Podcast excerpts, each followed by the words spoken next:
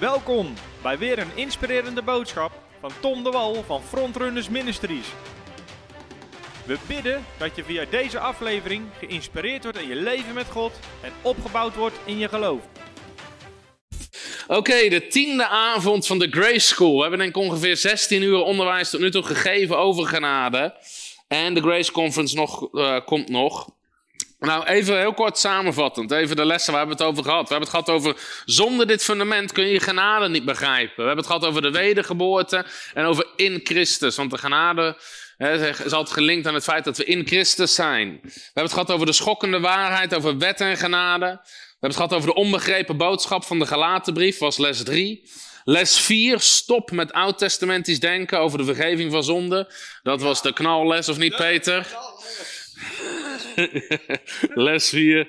Les 5, vrij van veroordeling en aanklacht. Hoe doe je dat? Hoe je daar vrij van leeft. We hebben het gehad over hoe overwin je zonde. Les 6. We hebben het gehad over slaven of zonen. Denk en leef je als een zoon of als een slaaf. We hebben het gehad over leven zonder oordeel. Genade naar anderen. Michiel Koelewijn.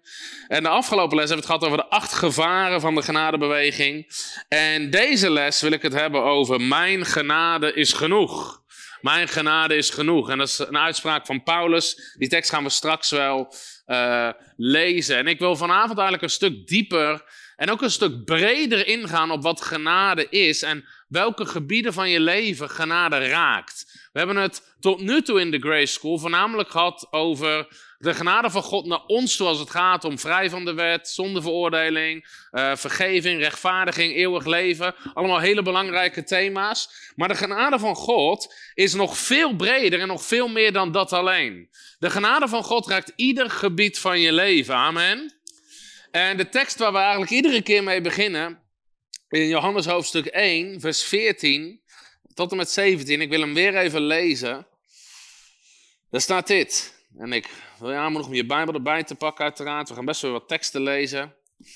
Daar staat: Het woord is vlees geworden. spreekt over Jezus en heeft onder ons gewoond. En wij hebben zijn heerlijkheid gezien. Een heerlijkheid als, de, e, als van de enige geborene van de Vader. Vol van genade en waarheid. Jezus was vol van genade en waarheid. En dan komt vers 16. En uit zijn volheid, volheid hebben we allemaal ontvangen. En wel genade op genade. Grace upon grace. Genade op genade. Dat is zo'n mooie uitspraak. Bij God is er genade op genade. Er is een onuitputtelijke stroom van genade. De stroom van Gods genade die stopt niet. Er is genade op genade. De wet is door Mozes gegeven. En de wet ging over onze eigen gerechtigheid en onze eigen kracht en ons eigen best doen, maar dat is niet genoeg. Maar genade en waarheid zijn er door Jezus Christus gekomen. En dus wij hebben uit zijn volheid hebben we ontvangen, uit de volheid van Jezus hebben we ontvangen. Jezus is de bron van genade. En vanavond wil ik ook verschillende aspecten aanhalen van genade, die we zien in het leven van Jezus, die we ook kunnen ervaren in ons leven. En dat uit zijn volheid ontvangen we genade op genade. Nou, de tekst, mijn genade is genoeg, komt uit 2 Korinthe hoofdstuk 12. Waar Paulus in een moeilijke situatie zit, gaan we later vanavond nog wel lezen. En Paulus was aan het bidden. Nou, dat doen wij ook als we in een moeilijke situatie zitten, toch? Dan, dan, bidden we. Dan bidden we voor een antwoord. En Paulus die had ook een strijd, een worsteling ergens mee. En hij vroeg God, Heer, neem dat van mij af. En dan komt het antwoord van God. Weet je, in de context gaat over de doorn van het vlees. En heel veel mensen zeggen, ja, zie je ook Paulus bad en hij kreeg geen antwoord. Hij kreeg wel een antwoord. Want dit was wat God zei, 2 Korinthe 12 vers 9, maar hij heeft tegen mij gezegd. Zo mooi, Paulus kreeg een persoonlijke openbaring, God sprak tot hem, hij verstond de stem van God. Hij heeft tegen mij gezegd, mijn genade is voor u genoeg. Paulus vroeg aan God of hij iets weg wilde nemen. En dat gebeurde niet, want God zei: Mijn genade is voor u genoeg. Paulus mocht leren om hier gewoon in genade mee te leven. Want mijn kracht wordt in zwakheid volbracht. Gaan we het later vanavond nog wel verder op hebben. Maar wat hebben we nu tot nu toe gezien? Jezus was vol van genade. Uit hem stroomt genade op genade. God zei tegen Paulus: Mijn genade is genoeg. En Genade is veel groter, veel breder dan alleen wat betrekking heeft op onze vergeving van zonde, rechtvaardiging, heiligheid, al die dingen meer. En ik bid echt dat je na deze hele school en misschien ook wel na de conferentie, maar gewoon na dit onderwijs, dat je genade als iets tastbaars gaat zien. Dat genade iets tastbaars wordt in je leven, waar je de genade van God herkent, waar de genade van God merkbaar wordt, waar de genade van God bijna persoonlijk wordt. En dat het meer is dan een woord, dat het meer is dan een theologische term. En ik werd geraakt door, uh, door deze tekst in 1 Korinthe 15, vers 10. Het is een bekende tekst, gaan we vanavond misschien nog wel een paar keer lezen. Maar in één keer viel me iets op uit die tekst. Heb je dat wel eens dat je een tekst leest voor de duizendste keer en dat in één keer iets eruit springt? En hier zie je hoe tastbaar, hoe persoonlijk de genade was in het leven van de apostel Paulus. Wat hij zegt in 1 Korinthe 15, vers 10. En in de context gaat het over ook de andere apostelen en alles wat er gebeurt. Hij zegt, maar door de genade van God ben ik wat ik ben. Zijn genade is voor mij niet te vergeefs geweest. Integendeel, ik heb mij meer ingespannen dan zij allen. Refereert hij naar het werk van de andere apostelen? Dat zouden we kunnen zeggen, nou dat is een hoogmoedige uitspraak. Ik heb mij meer ingespannen dan zij allen. Maar dan zegt Paulus dit, niet ik echter, maar let op. De genade van God die met mij is. Er staat er, that's with me. Alsof het iets persoonlijks is. Wat gewoon met hem mee, wat overal waar hij is, is de genade van God.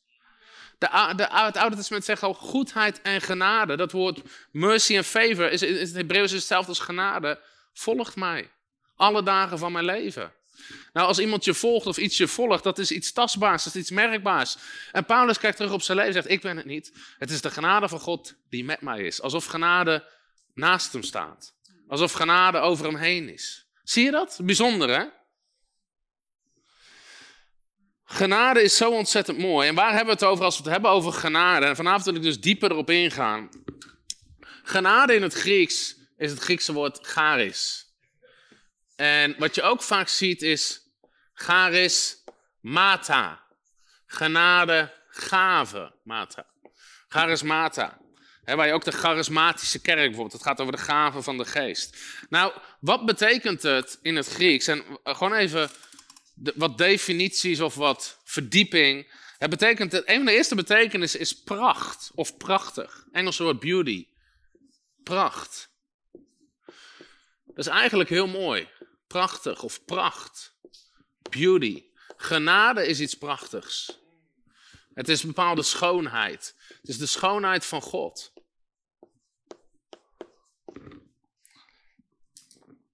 De schoonheid, de pracht van God komt niet tot uiting in, in Gods oordelen, maar in Gods genade. Het is iets prachtigs. Genade is gratis. Dat is lekker voor de Nederlanders. Genade is gratis. We zeggen ook wel eens: genade is onverdiende gunst. Onverdiende gunst. Nou, genade is nog meer dan dat, maar God gunt je iets God geeft je iets wat je niet verdient. Dus alles wat, wij, alles wat we hebben besproken, je hebt het niet verdiend. En toch geeft God het je gratis. En dat is iets prachtigs. God gunt het je. Het is onverdiende gunst, maar God gunt het je. Het gaat verder dan onverdiende gunst. Het gaat niet eens over het feit dat we het eigenlijk niet verdiend hebben. We hebben het tegenovergestelde verdiend.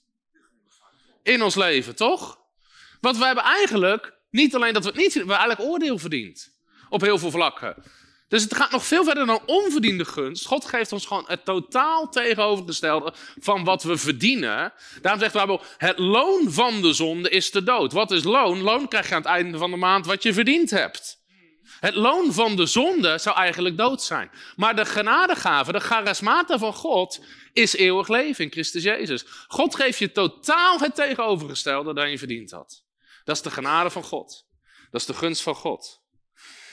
Nou, wat is genade nog meer? Genade is een geestelijke gave, spiritual gift. Een geestelijke gave. Een geestelijke gave. Het is een geestelijk, en het geestelijke, het is heel concreet, het is heel tastbaar, het is een geestelijk gaaf, het is een geestelijk cadeau.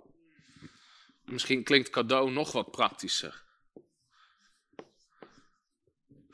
En genade is ook geestelijke bekrachtiging.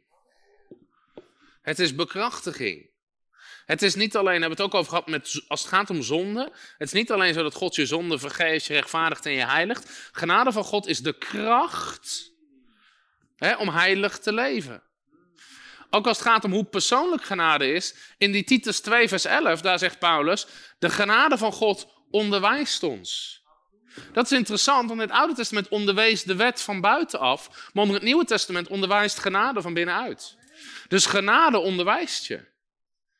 Daarom hebben we het vorige gehad over de gevaren van de genadebeweging. Als je niet onderwezen wordt van binnenuit, is er iets mis. Dan heb je niet echt genade begrepen, want genade onderwijst je en leert je om de goddeloze en wereldse begeerten te verloochenen.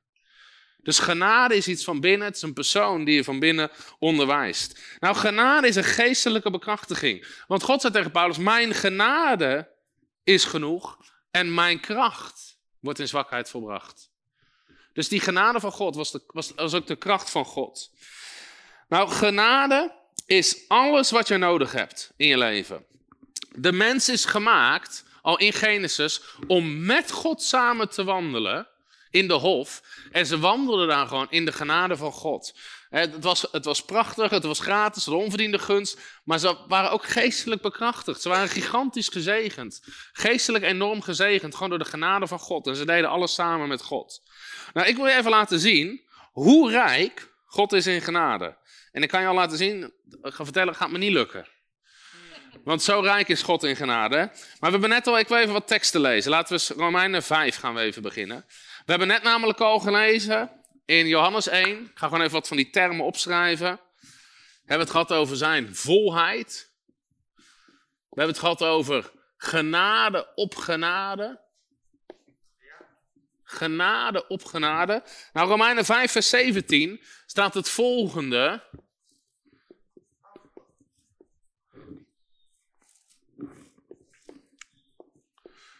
Kijk, hier staat hij ook al op de beamer.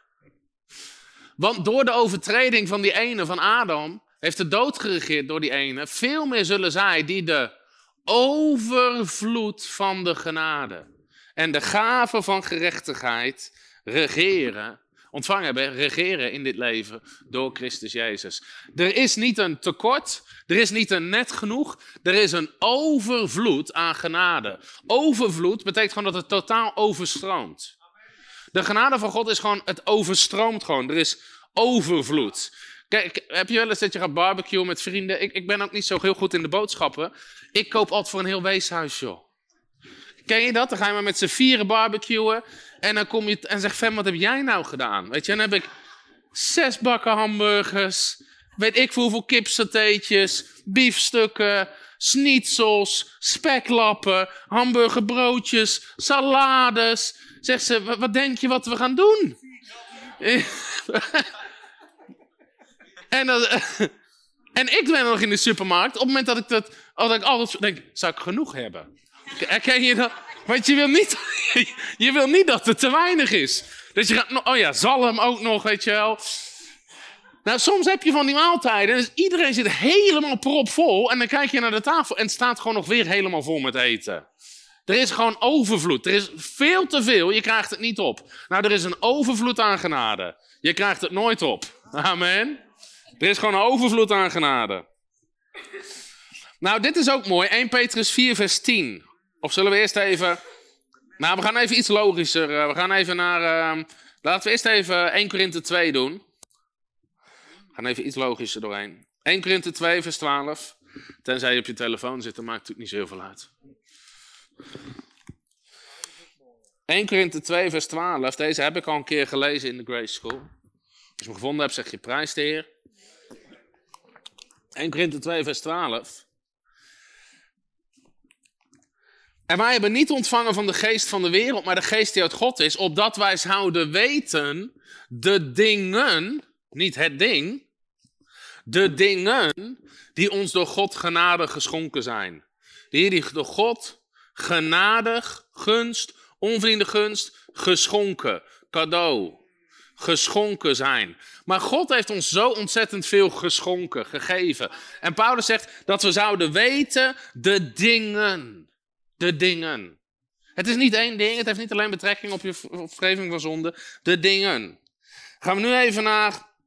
Ehm, nou, laten we maar even toch die 1 Petrus 4, vers 10 doen. Dit is een lekkere. Daar staat dit. Laat iedereen, en dit is mooi misschien ook als je in je Bijbel asseert, al die teksten over genade. Laat ieder de andere dienen met de genadegave, de charismata, zoals hij die ontvangen heeft als goede beheerders van de veelsoortige genade van God. De Engels zegt de manifold, de veelsoortige genade. Er zijn allerlei soorten genade. Er zijn allerlei verschillende aspecten, uitingen van genade. Die is mooi, hè? De veelsoortige genade van God.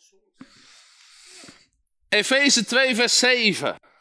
Dat is ook een knaller. Efeze 2, vers 7. Dat is jouw lievelingstekst? Dit is de bom van de bom, hoor ik hier. Nou, dit is er eentje, hoor, lieve mensen. Dit gaat over wat het plan van God is voor ons. Nou, ik denk dat je deze tekst, ik weet niet of we hem ooit helemaal zullen begrijpen. Dit, daar staat dit. Opdat hij in de komende eeuwen, dit was het plan van God, de alles overtreffende rijkdom van zijn genaden zou bewijzen door de goede tierenheid over ons in Christus Jezus. Nou, en dan zijn er nog mensen die moeite hebben om te geloven dat God goed is. Wat was het plan van God? Dat hij in de komende eeuwen. Nou, tien jaar is niet genoeg om te bewijzen hoe goed God is. Hij heeft eeuwen nodig om de alles overtreffende rijkdom van zijn genade. Alles overtreffende. Alles overtreffende rijkdom van zijn genade. Zou bewijzen, bewijs is tastbaar. Bewijs is tastbaar, toch? Als je in de rechtbank komt, ik hoop niet dat je er komt, maar... Uh, hey, een politieagent kan niet zeggen, of, of de officier van justitie kan niet zeggen, nou, ik denk dat hij het gedaan heeft. Ik vind dat hij het gedaan heeft. Ik voel dat hij het gedaan heeft. Die moet met bewijs komen. Bewijs is tastbaar. Dus de genade van God wordt tastbaar in je leven. Opdat hij de alles overtreffende rijkdom van zijn genade zou bewijzen door de goede tierenheid. De goedheid van God over ons in Christus Jezus. Nou, dan spreekt 1 Timotheus 1 vers 14 ook nog over de zeer overvloedige genade. De, dus als de overvloed van genade niet genoeg was voor jou, er is nu ook een zeer overvloedige genadekerk geopend. Dus de eerste van de keer dat mensen vragen, je zit toch niet in de genadebeweging? Nee, nee, nee, daar ben ik al uit. Ik zit in de zeer overvloedige genadebeweging. ik zit in de alles overtreffende rijkdom van de genadebeweging. Ik zit in de veelsoortige genade van Godbeweging. Halleluja. Ik zit in de genade op genadebeweging. Oh. Sommige mensen zeggen, pas op, dat is hypergrace. Nou, hyper betekent te veel. Eén ding weet ik zeker, ik heb nooit te veel van de genade van God in mijn leven. Dus alles wat hij hier niet bij een ander kwijt kan, mag hij ook aan mij geven. Kom maar op, Heer, met die genade. nou, als het gaat om de veelsoortige, de alles overtreffende rijkdom, dat raakt ieder gebied van ons leven. Maar ik wil er vanavond eigenlijk drie dingen uitlichten. Wat belangrijk is om te beseffen, is dat wat we moeten beseffen als het gaat over wat ik tot nu toe heel vaak heb behandeld, vergeving van zonde, rechtvaardiging, heiliging, verlossing, dat is de start. Dat is de start. En daarna gaat het beginnen. Ik zeg altijd, het koninkrijk van God is van binnen groter dan van buiten. Er is een hele smalle weg om binnen te komen, Jezus Christus. Maar het koninkrijk van God is, net zoals in sommige kerken denken ze dat gered worden, zekerheid van je redding, dat dat het einde is. Dan stoppen ze. Er zijn mensen die weten het nooit zeker. En dan heb je uitverkiezingen en al die dingen meer. En op een dag, ja, dat je toch op een dag het zeker mag weten. Maar dat is niet het einde, dat is de start. Dat is de wedergeboorte. Een geboorte is nooit het einde, geboorte is al het begin. Amen. Het geboorte is het begin. Daarna mag je gaan wandelen in de genade van God. Dit kan je vergelijken met natuurlijk. Kijk naar het volk Israël. Ze werden uit Egypte bevrijd door het bloed van het lam. Spreekt over de kruisiging van Christus. Ze gingen door de Rode Zee. Spreekt over de waterdoop. Ze kwamen bij de Sinaï. Dat spreekt over de vervulling met de Heilige Geest. Tegenbeeld is de uitstorting op de, van de Geest op de Pinksterdag. Maar dat was het begin. Toen moesten ze naar het beloofde land. Toen moesten ze hun beloofde land innemen. Toen moesten ze in hun roeping gaan wandelen. Toen moesten ze het plan van God uit gaan wandelen. Dus we zijn bij het begin. En de genade van God heb je nodig op ieder gebied van je leven. Nou, ik wil drie gebieden aanhalen. Nummer één, en ook op de Grace Conference wil ik hier, denk ik, als de Heer me zo leidt, dieper hierover praten. Maar de genade van God, het eerste gebied waar ik het over heb, is je roeping is je taak in het koninkrijk. De genade van God stelt jou in staat om, in, om je roeping uit te leven.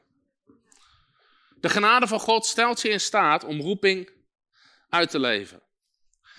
Er is geen uitverkiezing op het gebied van redding, maar wel van roeping.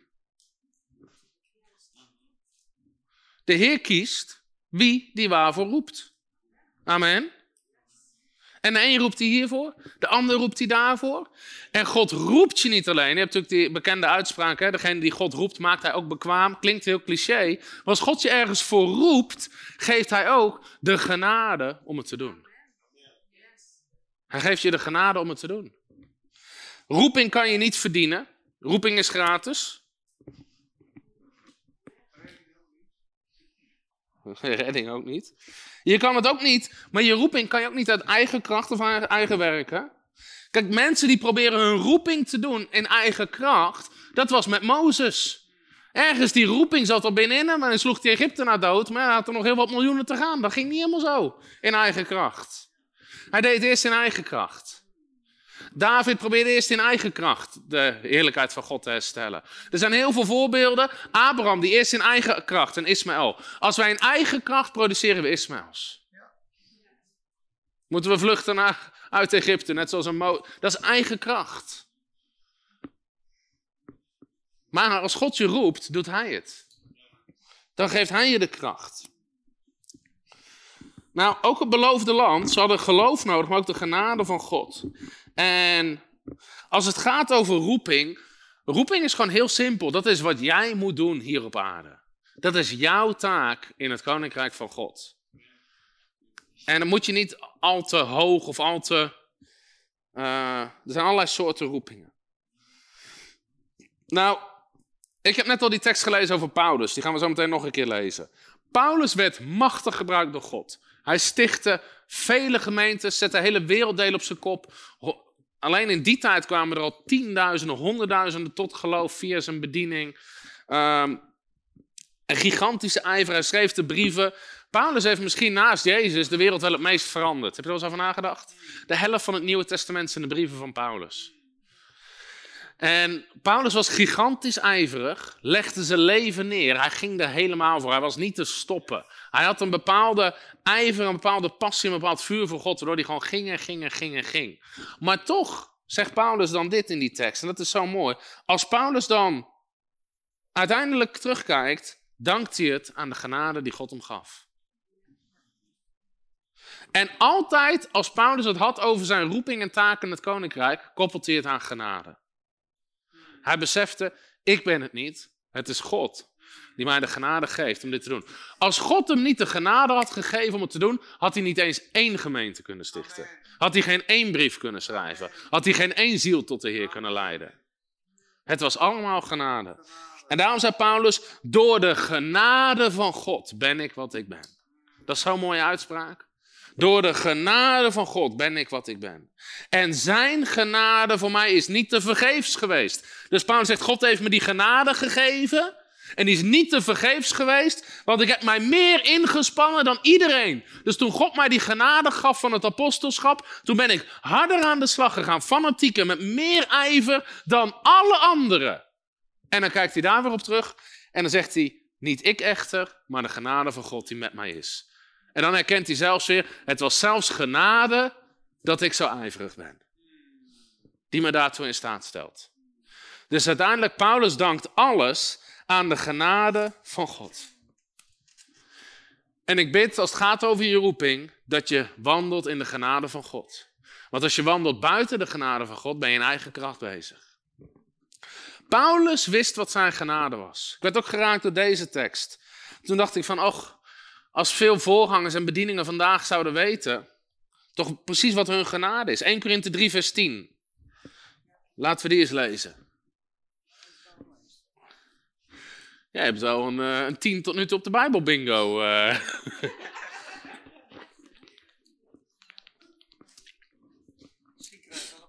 ja. Michiel die heeft een zweetdoek beloofd, hè, maar... Uh... 1 Korinthe 3 vers 10. Nou, let op. Overeenkomstig de genade van God die mij gegeven is. En dit zegt Paulus over dat die gemeente sticht. Heb ik als een wijsbouwmeester het fundament gelegd. En een ander bouwt daarop. Dit is interessant. Paulus wist wat zijn genade was. Hij ging naar een gebied toe. Hij brak het open met wonderen, tekenen, prediking. Hij stichtte daar een gemeente. Hij legde het fundament. Maar anderen bouwden erop verder. Wat als Paulus niet de genade begreep wat hij God hem had gegeven? En dat hij dacht dat hij ook geroepen was om verder te bouwen nadat het fundament stond. Had hij misschien maar één gemeente gesticht. En was hij daar gebleven. En in de valk, ja, maar er is altijd nog iemand die pastoraat nodig heeft. Er is altijd nog dit, er is altijd nog dat. Het werk is nooit klaar. Maar Paulus wist, ik heb de genade om het fundament te leggen. En daarna draag ik het over. Nou, hoeveel voorgangers zouden er niet zijn, of bedieningen, die wel de genade hebben om het fundament te leggen, maar daarna niet de wijsheid om het over te dragen? Zo is het. Zou dat een reden zijn dat sommige kerken gewoon klein blijven? Dat God heeft ze de genade gegeven om iets te stichten, om iets te starten, om een fundament te leggen, maar daarna durven ze het niet los te laten. Want ze denken dat ze alles moeten kunnen. Een goede vriend van mij, hij wordt echt machtig gebruikt als apostel. Vele gemeentes gesticht, ook in Nederland. Maar hij zegt, ik heb ook de gave om een gemeente kapot te apostelen.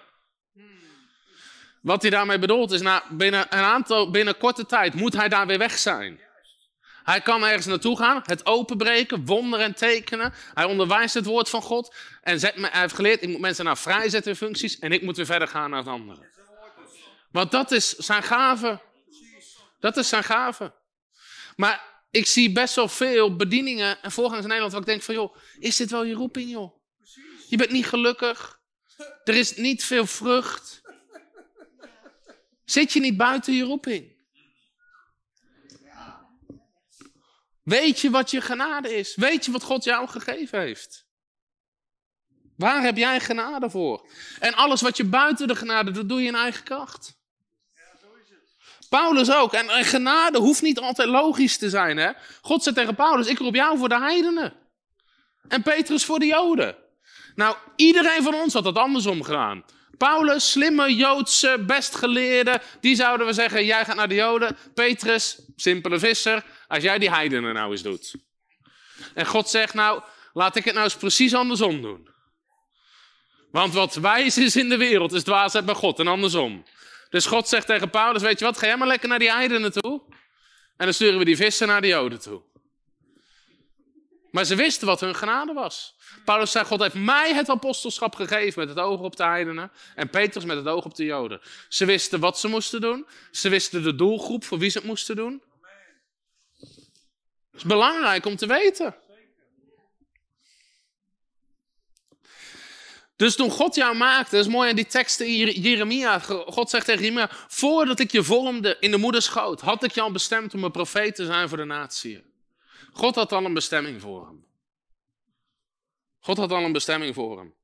En God zei ook tegen Jeremia, Jeremia ik maak je hoofd harder dan diamant. Harder dan steen, want ze zullen niet luisteren. Nou, dat heb je soms nodig, een harde kop en een lange adem. Amen. ja, die heb ik ook soms nodig, ja. Nou, in Romeinen 15, ik ga, eh, deze hoef je niet op te zoeken, ik ga een aantal teksten voorlezen. Waarvan ik hoop dat je ziet dat Paulus het altijd heeft over genade. In Romeinen 15, vers 15 zegt hij: Ik heb u ten dele op nogal gedurfde toon geschreven, broeders, om u hieraan te herinneren, vanwege de genade van God die mij gegeven is. Paulus zegt: Ik heb de genade, ik heb de positie, maar door de genade om dit te zeggen. Efeze 3, vers 2. Als u tenminste gehoord hebt van de uitdeling van de genade die aan mij gegeven is, ten behoeve van u. Paulus wist, ik heb deze genade ontvangen voor jullie. Mijn apostelschap voor de heidenen is mijn genade voor jullie. Efeze 3, vers 7. Waarvan ik een dienaar ben geworden, krachtens de gave van de genade van God die mij gegeven is. Overeenkomstig de werking van zijn kracht. Dus Paulus ik ben een dienaar geworden, krachtens, door de kracht van de gave van de genade van God. Efeze 3, vers 8. Mij, de allerminste van alle heiligen, omdat Paulus de gemeente vervolgd had, is deze genade gegeven. Om onder heidenen het evangelie, de onnaspeurlijke rijkdom van Christus te verkondigen. Nou, hoe kon Paulus zoveel bereiken? Was hij slim? Hij was heel slim. Was hij een harde werker? Hij was een hele harde werker. Maar het was de genade van God. En wij vinden dit nog steeds moeilijk. Als we zien dat iemand door God gebruikt wordt, zitten we altijd te kijken naar zijn natuurlijke dingen. Hoe kan die dat nou doen? Waarom denkt hij nou dat hij dat kan doen? Wie denkt hij wel niet dat hij is? Het gaat helemaal niet om wie hij... Het gaat, is, heeft God hem de genade gegeven? Als God iemand genade geeft om het te doen, dan doet die persoon het. Door de genade van God. Daarom zegt Paulus, wij kennen nu niemand meer naar het vlees, maar naar de geest. Ik vind, er staat zo'n mooie tekst in Lucas, gaan we nu niet lezen. Maar daar staat dan, um, toen uh, Caiaphas hoge priester was, toen Herode viervors was over Galilea, toen die en die uh, priester was, toen kwam het woord van God tot Johannes in de woestijn. Eerst stond het alle belangrijke politieke leiders op, daarna alle belangrijke religieuze leiders. En dan zegt de Bijbel, het woord van God komt tot Johannes in de woestijn. God koos nobody in de woestijn. En die gaf hij de boodschap: bekeer je, want het koninkrijk van God is nabij. God kiest en God gaf hem genade om het te doen. Dus hoe kan je doen wat jij moet doen? Is door de genade van God. Weet je, als ik kijk naar, als ik bijvoorbeeld mijn eigen leven als voorbeeld pak. Sommigen zeggen, maar hoe kan dat? Hoe kan dat? Het is genade. Het is de genade van God. Soms vragen mensen, ja, als het zo groot wordt en zoveel boeken, ben je dan niet bang dat je hoogmoedig wordt? Wat voor domme pannenkoek moet je zijn? Om te denken dat je het zelf doet. Laat zei iemand anders tegen mij, ja, de reden dat jouw boeken zo vaak gedrukt worden is omdat ze gratis zijn. Nou, kan je andere mensen laten zien die ook een boeken gratis weggeven. Die komen niet tot een fractie. Ja, wat is dan het verschil? Genade. God heeft gezegd dat we het moeten doen, dus God geeft de genade om het te doen. Ik, ik, van de week had ik er nog over met iemand. Ik, iemand stuurde weer naar me door. Zijn, Sommige mensen zijn bezig met een hele brief, een hele comité om frontrunners van de kaart te krijgen in Nederland, want wij blokkeren de komende opwekking. En, maar goed, in ieder geval. in ieder geval. Maar toen zei ik nog tegen diegene: van, als iemand toch komt met een getuigenis, God zegt dat ik een boek gratis moet geven, en het wordt 600.000 keer gedrukt in drie jaar, dan kan je toch ook bij jezelf denken: misschien wil God iets duidelijk maken. Dit is geen mensenwerk. Zei Paulus, of zei, zei natuurlijk in de handeling ook, pas op dat je niet tegen God strijdt. Pas op dat je niet tegen God strijdt. Wie denken jullie wel niet dat je bent? Die vraag krijgen we zo vaak. Doe je ergens een campagne een bepaald... Wie denken jullie wel niet dat je bent? Ga niet om wie wij denken dat we zijn. De genade van God. Als ik kijk naar mijn eigen leven, ik ben helemaal niet... Vraag maar mensen die me kennen van vroeger. Ik sta helemaal niet graag voor groepen. Ik sta helemaal niet. Nee, is echt zo. Ik ben hartstikke introvert. Femke moet mij meesleuren naar een verjaardag. Zeg Tom, we moeten gaan. Zeg, nee, dat zijn vreemde mensen. Tom, je moet gaan. Het is je eigen moeder die jarig is. Tom, kom. Dat is echt zo. Maar het is de genade van God, de zalving die God je geeft, om te doen wat je moet doen. Hetzelfde met boeken schrijven. Ik, weet je, ik schreef vroeger als kind nooit dat ik leuk vond om lange dingen te schrijven. Of, uh, sommige mensen vonden dat leuk, weet je wel. Je hebt van die mensen die hebben een heel dagboek. En uh, weet je, bij mij is dat dagboek, weet je.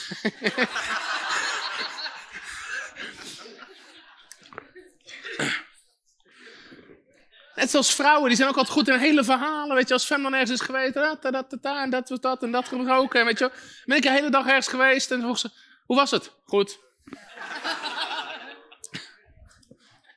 Waar ging het over? Van alles. Herkenbaar. kan je verder nog iets zeggen? Ja, ja, weet ik veel. maar ook met die boeken, het is genade. En sommige mensen snappen. Ik heb nog nooit gehad dat ik dacht, nou, dit is een goed idee met een boek. Altijd weet ik, mijn eerste boek over tongentaal, ik riep altijd, ik ga geen boeken schrijven. Dat, riep ik. Ik heb ook altijd geleerd, altijd als je iets roept en iets niet gaat doen, net zoals de heer bij Jona, denkt hij, huppakee. ik riep altijd, ik ga geen boeken schrijven. En op een nacht kon ik niet slapen. En ik zei als je niet kan slapen, ga je geen schapen tellen, maar praten met de herder.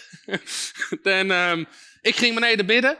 En God sprak tot me. En God zei, Tom, ik wil dat je een boek schrijft over tongentaal. En ik wilde helemaal niet schrijven. Ik zei, er zijn hele goede boeken in het Engels over tongentaal. En toen zei de Heer, iedere generatie heeft zijn eigen verhalen, voorbeelden, onderwijs nodig. En het raakte me. En toen belde ik Jan Sjoerd op. En Jan Sjoerd heeft, uh, heeft heel veel meegeschreven met het eerste boek, met allerlei voorbeelden en getuigenis. Maar het eerste boek van tongentaal was niet mijn idee, was Gods idee. God zei dat ik het moest schrijven, anders had ik het nooit gedaan. Toen daarna zei, kreeg ik openbaring over partnerschap. Zei God ook, ik wil dat je dit in een boekje zet. En op een gegeven moment, ik was het vergeten. Omdat dat was de periode dat we dit hele gebouw kregen. We hadden nog bijna geen vrijwilligers. We hebben alles met een heel klein groepje gedaan. Dus waren heel aan het verven, aan het slopen, aan het bouwen, al die dingen meer. En de eerste dag dat ik weer op kantoor zat, dat, ik, dat we klaar waren. Het eerste wat in mijn geest kwam. Tom schrijft het boekje. was een idee van God. Uh, Jezus aanraken was niet mijn idee. Was een visioen wat ik krijg van Jezus. Ik wil dat je dit boek gratis weggeeft. Van, en soms heb ik een thema in mijn geest. Bijvoorbeeld woorden van geloof. Dat boek had ik af, maar ik gaf het niet uit. Ik wist dat ik het moest schrijven, maar ik zei, heer, dat klopt iets niet. Dat klopt iets niet. En ik lag s'avonds weer op bed, ik kon niet slapen. En in één keer, boem, wist ik. Als mensen hun identiteit in Christus niet begrijpen, kunnen ze nooit de kracht van woorden gebruiken. Dus dan heb ik eerst Supermens geschreven. En daar lag genade op. En Superman is natuurlijk een heel goed fundamentenboek voor mensen, waardoor ze de kracht van woorden beter kunnen begrijpen. Dus ieder boek wat ik schrijf is niet zo, dat is gewoon dat ik weet vanuit mijn geest wat ik moet doen. God geeft genade ervoor. God geeft genade. En dat is zo belangrijk om dat te beseffen. Hetzelfde met als je ergens moet spreken. Het, ik spreek soms wel eens dezelfde preek. Dat is ook grappig. Wie wil, wil wel een leuk verhaal horen, maar dit is een grappig verhaal.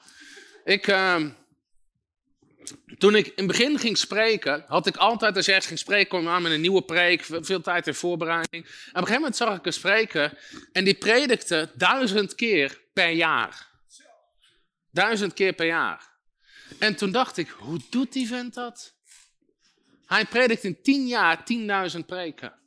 Toen dacht ik, hoe doet hij dat, joh? En uh, dus ik dacht, hoe bereidt hij voor? En ik werd ook steeds meer uitgenodigd. Ik zei, heer, hoe moet dat? Alleen, ik kon hem niet opbellen. Hij zat aan de andere kant van de wereld. Kon je, er was ook niet zo iemand van, nou, dan stuur ik even een mailtje naar. Als hij duizend keer per jaar spreekt, heb je wel beters te doen. Dus, en op een nacht kreeg ik een droom. En in mijn droom zit ik tegenover die man. Samen met andere leiders. En iedereen mocht hem vragen, vragen stellen. En in mijn droom vraag ik hem, how do you preach so often? En hij schreef alle vragen op, maar hij schreef mijn vraag op. En hij schreef op, how to preach the same sermon twice. Boom. En ik was uit mijn droom. en toen wist ik het, je kan gewoon meerdere keren dezelfde boodschap preken. Halleluja. maar, dat is de genade van God die je leert. Ik, ik, ik heb soms, eh, zeker in geneescampagnes, wat dan ook, predik regelmatig dezelfde boodschap. Maar ik heb nooit een. Altijd als ik ga spreken, wil ik weten vanuit de geest waar ik over moet spreken. Als ik niks heb in mijn geest, spreek ik niks. Ik heb geen standaard preken die ik ergens voor het eerst breng of wat dan ook. Sterker nog, heel vaak zegt de Heer dat ik een boodschap moet brengen die ik helemaal niet wil brengen voor de eerste keer. Ik, had een hele grote gemeente. Weet je, en, God, en God gaf me een preek op mijn hart. Ik dacht, nou, die is zo radicaal, waarschijnlijk vragen ze me nooit meer terug. Maar ik doe niet wat ik wil, ik doe wat hij wil. En ik heb hem gepreekt en ze hebben me nooit meer teruggevraagd. Halleluja. oh. Maar ik heb wel, ik heb heel vaak zit Arjan, eh, Arjan in de zegt, waar ga je over preken? Zeg, ik weet niet, ik heb nog niks in mijn geest. Pas als ik in mijn, ik moet in mijn, ge- en soms weet je het een week van tevoren, maar ik moet in mijn geest weten. Anders breng ik niks. De, maar altijd, op het moment dat je het podium opstapt, heb je een boodschap in je geest. Dat is genade. Dat is de genade van God. Dat is de genade van God. Dus heel veel dingen. Ik, grappig, ik heb het verhaal wel vaak verteld. Toen ik mijn eerste boek uitbracht, dat ik eerst probeerde via een uitgever, die wees het af. Zeg, ja, dit wil niemand lezen. Er staan veel te veel Bijbelteksten in. Ik zeg, wat lezen mensen dan? Ja, die willen een mooi verhaal. En jouw getuigenis. En dan misschien één Bijbeltekst. Hij zei, dit gaat niemand lezen. Kreeg ik hem terug. Nou, en nu hangt hij wel eens aan de telefoon of hij alsjeblieft onze boeken mag drukken. Ik zei, ik dacht toch dat niemand dit wilde lezen, joh. Het grappige is, vol- volgens sommigen doen we alles verkeerd. Je hebt spreekcursussen, hoe je in 20 minuten, na 20 minuten zijn mensen een spanningsboog kwijt. Je mag nooit langer dan 28 minuten. Wij hebben alleen maar preken van anderhalf, twee uur. En ze worden tienduizenden keren bekeken. Genade. En je hebt mensen die hebben de genade van God om in 20 minuten een hele krachtige boodschap op te nemen. Ik heb dat niet. Omdat mijn genadegave is de leraargave. En die wil altijd alles goed uitleggen. Ik weet dat op een gegeven moment dat eh, iemand uit mijn team hebben van die kort en krachtig video's. Heb je die wel eens gezien? Moest ik kort en krachtig. Het plan was in drie tot vijf minuten moest ik iets uitleggen. Want dat zouden dan mensen makkelijker kijken. Dus Robin en Sander zeiden: Ja, Tom, neem maar kort en krachtig. video. Maar ik en kort en krachtig, joh. Het had, voor mijn gevoel was ik twee minuten bezig en dan riep Sander: Stop, stop, zit op 23 minuten. 23 minuten? Oeh.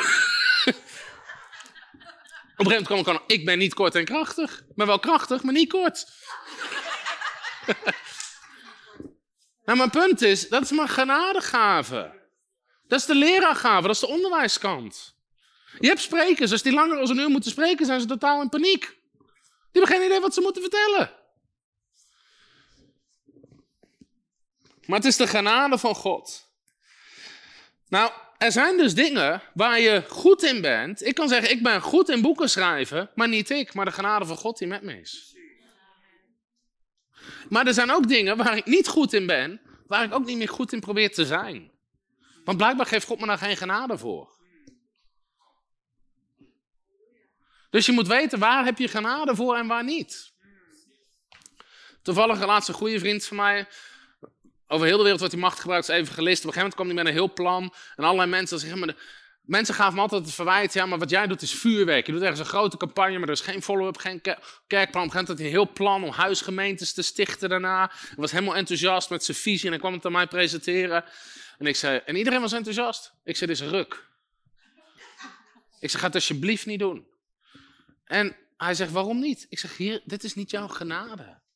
Jouw genade is dat je naar een land kan gaan waar niemand anders binnenkomt. Je klapt er een campagne uit de grond, mensen komen tot geloof. Dat is je genade. Maar daarna die huisgemeente, jij in een huisgemeente, je voelt je als een goudvis in een borrelglas. Dat gaat nooit werken. En uiteindelijk heeft hij het niet gedaan. Hij kwam me later nog bedanken. Hij zei, bedankt dat je eerlijk was. Iets kan een goed plan zijn, maar het is niet Gods plan. God geeft iemand anders wel de genadegave om kerken daar te planten. En, en follow-up te doen. Maar als jouw gave gewoon de gave van de evangelist is, doe wat je moet doen. Ja. Maar waar, het mooie is, laten we eens even Romeinen 12 lezen. Romeinen hoofdstuk 12.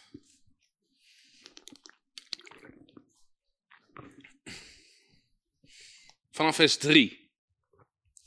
Ik ga even een aantal teksten om te laten zien dat iedereen heeft bepaalde genadegaven gekregen voor je roeping.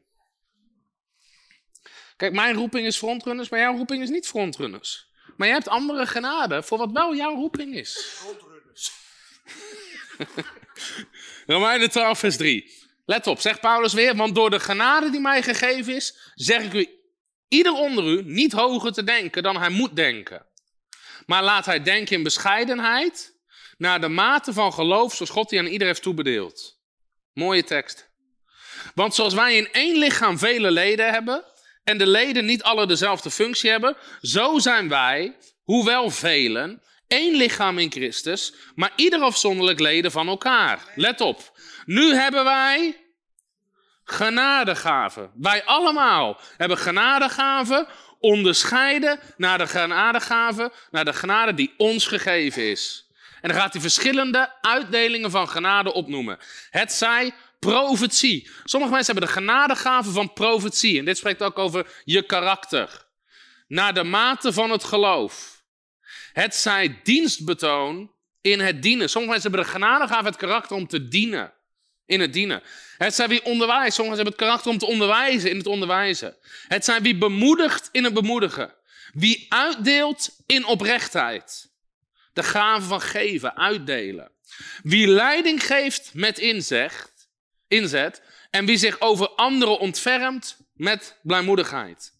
Hier noemt hij een aantal verschillende genadegaven op. En ieder persoon, we, in onze part- Babelschool doen we ook een test waarin mensen ontdekken wat is jouw genadegave. Dit noemen ze ook wel eens je motivatiegave. Waardoor word jij gemotiveerd? De ene wordt gemotiveerd als die kan bemoedigen. De andere als die kan onderwijzen. De andere als die profetisch in kan spreken. De andere als die leiding kan geven. De andere als die uit kan delen. Iedereen heeft een andere genadegave.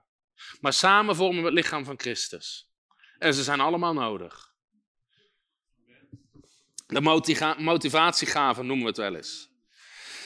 Efeze 4, vers 7 zegt.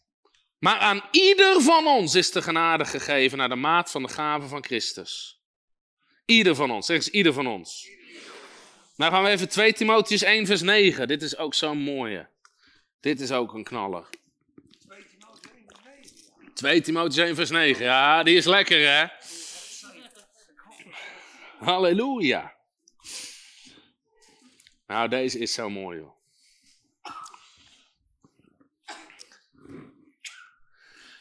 Hij heeft ons zalig gemaakt en geroepen met een heilige roeping.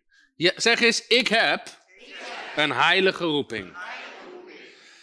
Nou, hoe kom je eraan? Niet overeenkomstig onze werken. Dus je hebt hem niet gekregen omdat jij zo goed gewerkt hebt, maar overeenkomstig zijn eigen voornemen en genade, die ons gegeven is in Christus Jezus voor de tijden der eeuwen. Wauw. Voordat je bestond, had God al een heilige roeping op je leven. En hij gaf je niet alleen de roeping, hij gaf je ook de genade. Hij gaf je ook de kracht om het te doen. Daarom zegt 1 Petrus 4, vers 10. Er staat, hebben ze op de beamer, 1 Petrus 4, vers 10. Laat ieder de andere dienen met de genadegaven zoals hij die ontvangen heeft. Laat iedereen de ander dienen met de genadegaven zoals hij die ontvangen heeft als goede beheerders van de veelsoortige genade van God. Wanneer ben je een goede beheerder van de veelsoortige genade van God? Als je weet wat jouw gaaf is en ermee dient. Als je het inzet voor het koninkrijk. Laat ieder de ander dienen met de genadegaven. Dus daarom is het mooi om door die Romeinen 12 heen te gaan. En iedereen die deze uh, school volgt, zal ik die gave dingen toesturen. Kan je invullen en dan komt er een, een zie je wat je bent. En uh, welke, welke gave je hebt. Uit Romeinen hoofdstuk 12. Kan het helaas niet doen voor iedereen online, maar dan heb je weer het voordeel. Als je fysiek aanwezig bent, kunnen we je iets extra zegenen. Dat is een Excel met allemaal vragen en dan komt eruit wie, welke genadegave je hebt. Maar het is zo belangrijk om te weten, wat is jouw genadegave? Want daarmee mag je de ander gaan dienen. En wij moeten goede beheerders zijn van de veelsoortige genade van God. Waar heeft God jouw genade voor gegeven? Je, iedereen is anders. En de valkuil is altijd dat we iemand proberen te zijn die we niet zijn. Dat we iemand proberen te zijn die we niet zijn. Dat we denken, oh, die kan. Weet je, misschien als je geroepen bent om te spreken, denk je, oh, als ik toch kon spreken als die spreker. Als ik toch kon. Jij moet gewoon spreken zoals jij bent.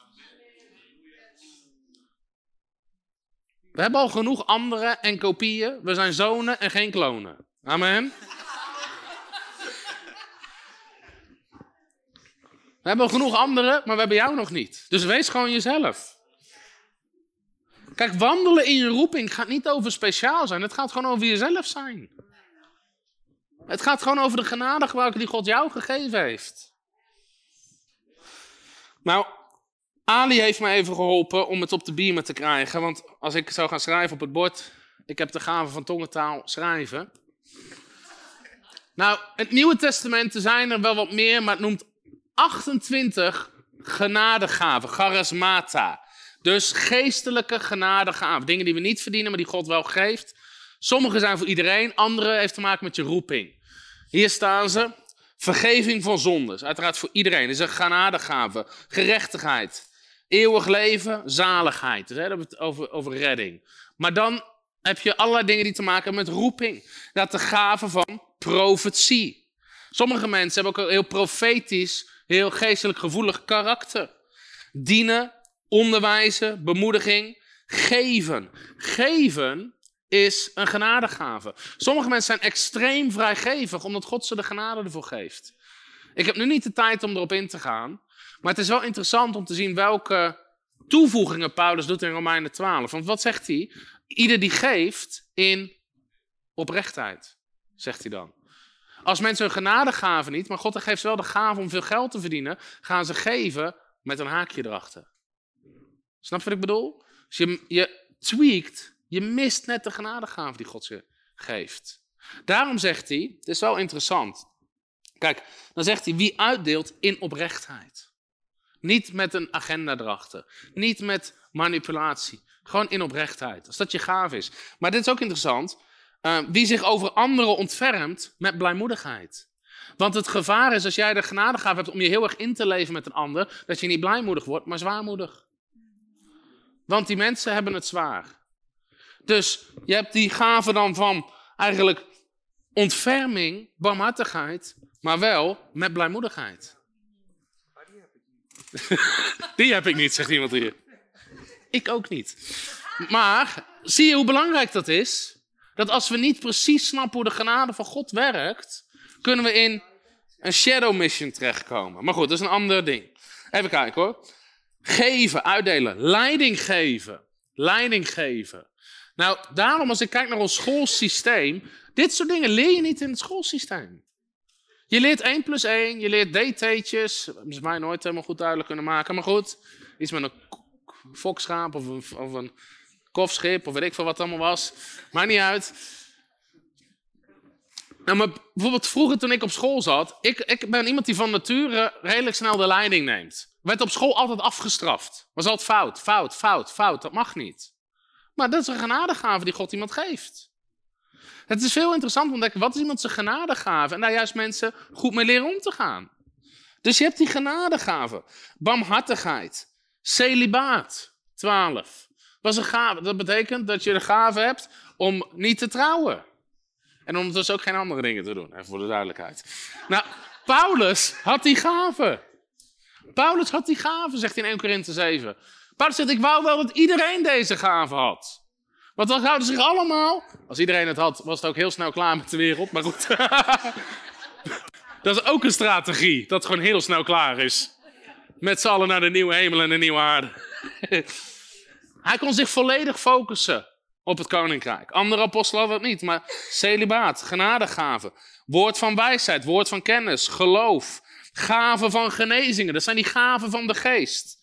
Laten we eens even heel snel 1 Korinthe 12 lezen. Heb je je Bijbel nog? Software update? Helemaal niet. Doe je vannacht maar. Nu zijn we aan het werk. Hou je van de Bijbel-app? Ja. Nee, geen sterren geven. Oké.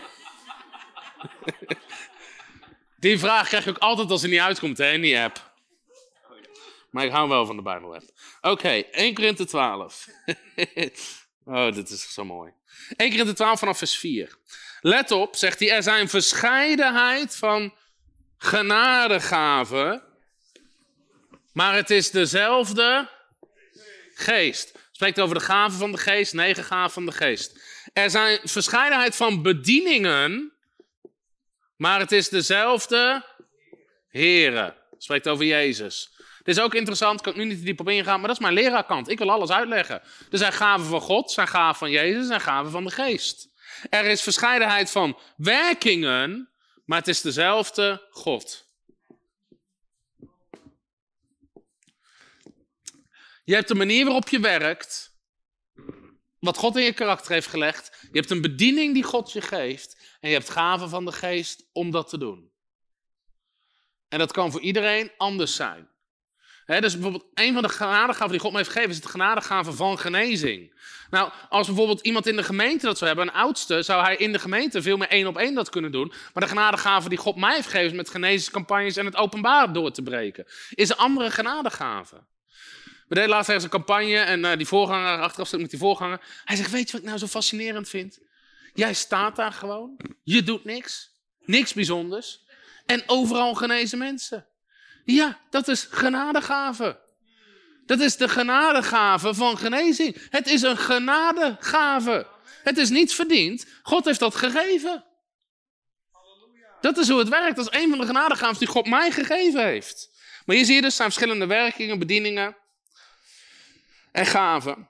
Werkingen van krachten, onderscheiding van geesten, allerlei talen of tongen, uitleggen van tongentaal. Dan ook de vijfvoudige bediening, apostel, profeet, leraar.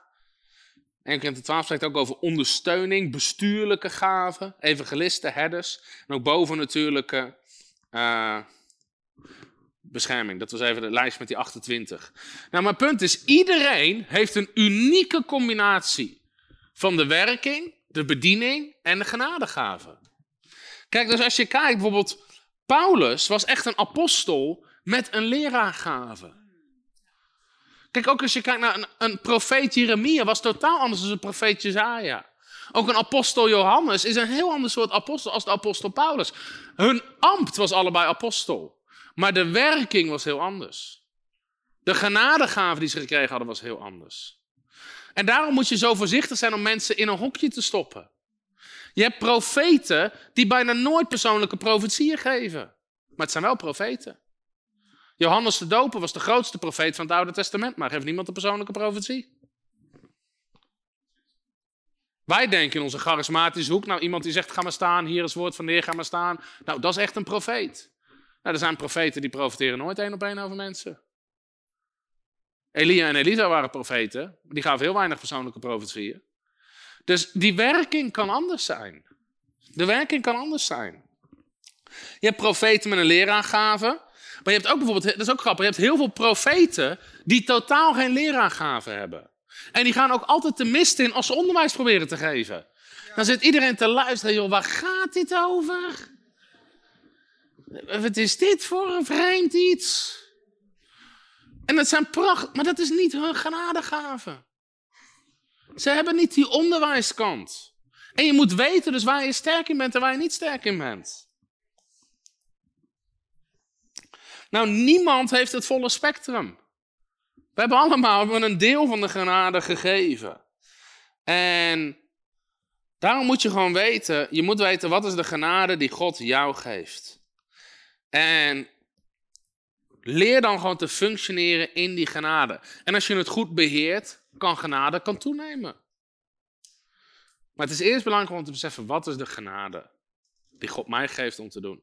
Sommige mensen, gewoon vanuit hun natuur, kunnen zo dienen, dienen, dienen, dienen, dienstbaarheid. Ik had ook mensen mee in de eerste paar jaar van mijn bediening.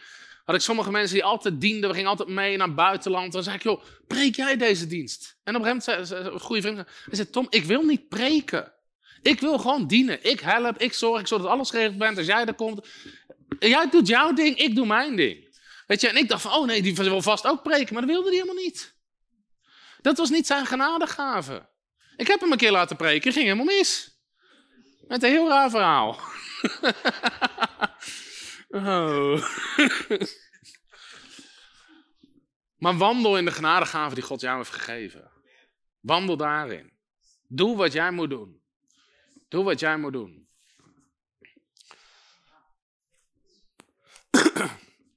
Oké, we gaan verder. Dus er is genade voor jouw roeping in het koninkrijk. Amen. Is dit al goed tot nu toe? Ja. Er is genade voor je roeping. Oké, ga ik door naar het tweede gebied. En ik wil je dus verder over praten op de Grace Conference, maar ga kijken hoe de Heer het leidt. Nummer twee, deze vind ik ook leuk. Ik kan maar even drie aspecten van genade aanhalen. Maar er is genade, en dan is het God die ons in staat stelt om vrijgevig te zijn. Er is een genade voor vrijgevigheid. Dit is het ding überhaupt met de genade van God. Ik ga even een heel simpel poppetje tekenen. Huppakee. Dit vind ik zo mooi in de genade van God. Genade komt van God. Genade komt van boven. Maar genade van God is nooit voor jou alleen. Het is altijd door jou heen. Iedere vorm van genade is niet alleen voor jou, is ook door jou. Jij hebt vergeving van zonde ontvangen en nu heb je de bediening van verzoening ontvangen. En mag je met anderen delen dat God ook hun wil vergeven. God heeft jouw zonde vergeven, maar nu mag je ook mensen vergeven die tegen jou zondigen. Ja, God wil jou genezen, maar ook jij kan handen op zieken leggen en ze zullen genezen. God geeft jou de Heilige Geest, maar ook jij mag anderen vervullen met de Heilige Geest. Elke vorm van genade hoort door jou heen te stromen.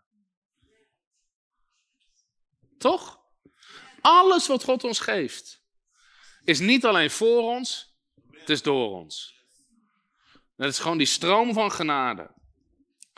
Nou, en dit gaat dus ook over vrijgevigheid. De genade van God stelt ons in staat om te delen. In Matthäus 10 zei hij al, vrijelijk heb je gekregen, vrijelijk geef je het weg.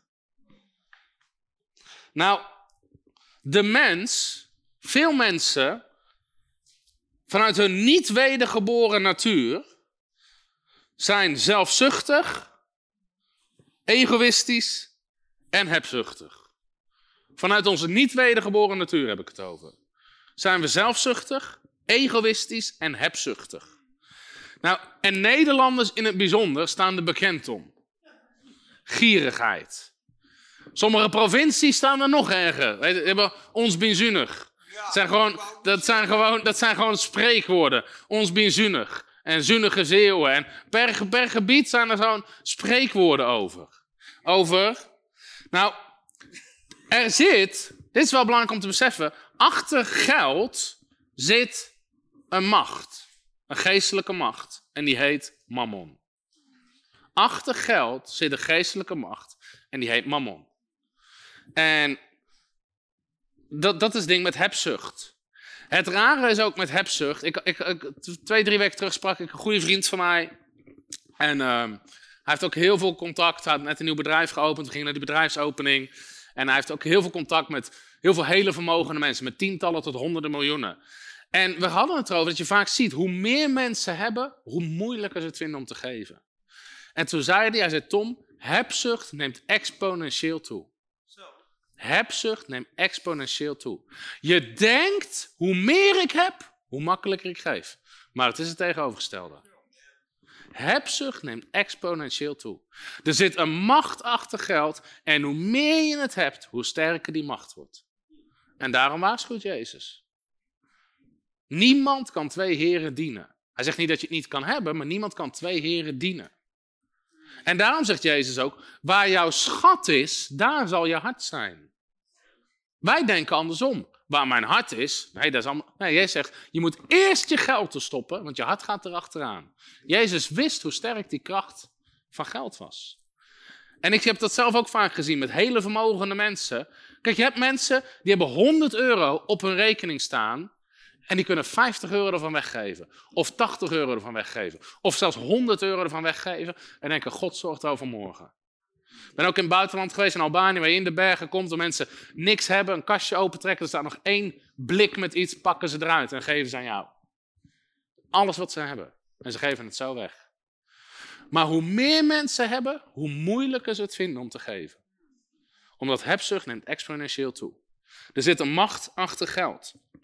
En, um, en dat gaat erover als we, als we er niet goed mee omgaan. En dat is een van de redenen dat tiende en offers zo belangrijk zijn. Dus gewoon standaard je tiende geven aan God. Zorg ervoor dat God altijd op de eerste plek staat.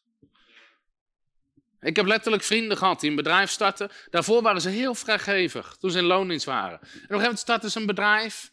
En toen waren hun tiende waren niet meer een paar honderd, maar gingen over duizenden euro. Ja, maar nu is het wel heel veel. Ja, nee, dit is wel heel veel om weg te geven. En ze stopten met geven. Hoe meer ze kregen, hoe minder ze gaven. Ik ken letterlijk mensen met tientallen of honderden miljoenen. Die nog geen 100 euro los kunnen laten om te geven. En, en het fascineert me. Ik zat laatst, een, was, geen, was niet eens een wedergeboren iemand. Ik zat een interview te kijken met een ondernemer over hoe hij zijn bedrijf had opgebouwd. Een interessant verhaal. En aan het eind zei hij van ja, ik heb kanker gehad en nu wil ik ook zelf iets doen voor de kankerstichting. Dus we hebben iets van 25.000 euro nodig. Dus nu zoek ik zoveel mensen die mee willen helpen. Die man was goed voor 350 miljoen euro. En hij ging anderen zoeken om hem te helpen. Om, ik dacht, als jij toch 25.000 euro wil geven, je hebt 350 miljoen.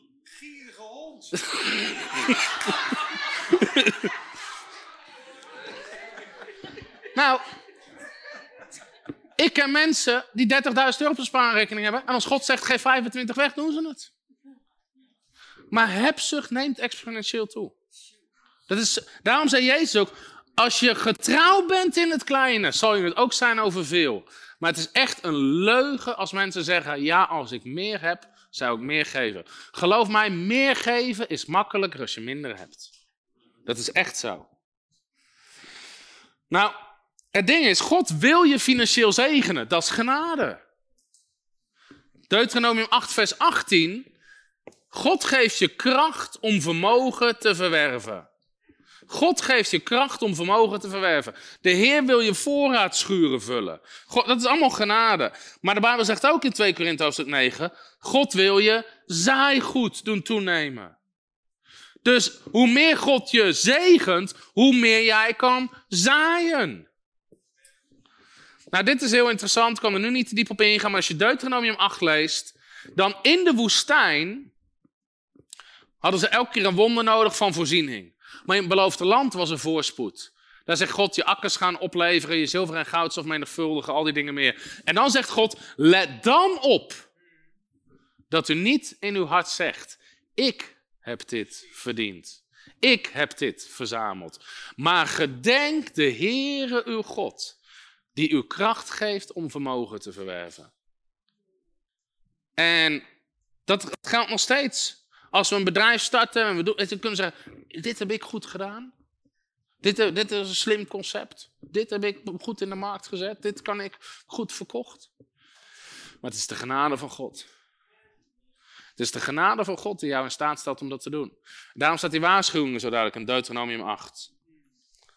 Nou, de Bijbel roept ons op om hebzucht ook te doden. Hebzucht om te doden. Maar onze wedergeboren mens is gemaakt in een beeld en gelijkenis van God. Dus als je wedergeboren bent, ben je vrijgevig. Je bent geen Nederlander meer, maar een hemelburger. Onze nieuwe mens is gemaakt overeenkomstig het beeld van God. En God geeft jou de genade om vrijgevig te zijn. Want God is een gever. Al zo lief had God de wereld dat hij gaf. Zijn enige geboren zoon. God gaf alles wat hij had. En als God zijn zoon gegeven heeft, zal hij ons dan niet alle dingen geven. God is een extreme gever. God is een extreme gever. En door onze wedergeboorte worden we gemaakt in het beeld en gelijkenis van God. En misschien moet je ziel er even aan wennen. Maar God wil al zijn kinderen in staat stellen om extreem vrijgevig te zijn. Een vrijgevigheid die de wereld niet kent. Hij dacht, ik ga de uitzending van vorige week luisteren, die is beter.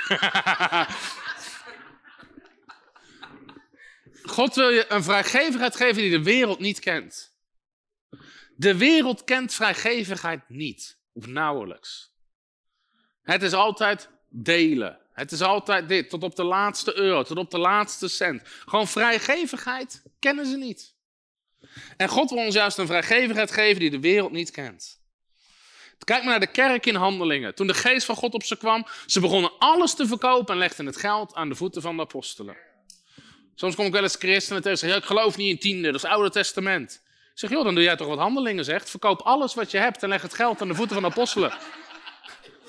Waar staat dat ook alweer van die tiende?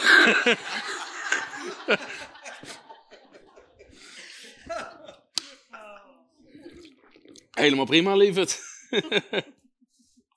Even een mooie tekst hierover. Romeinen 11, vers 6.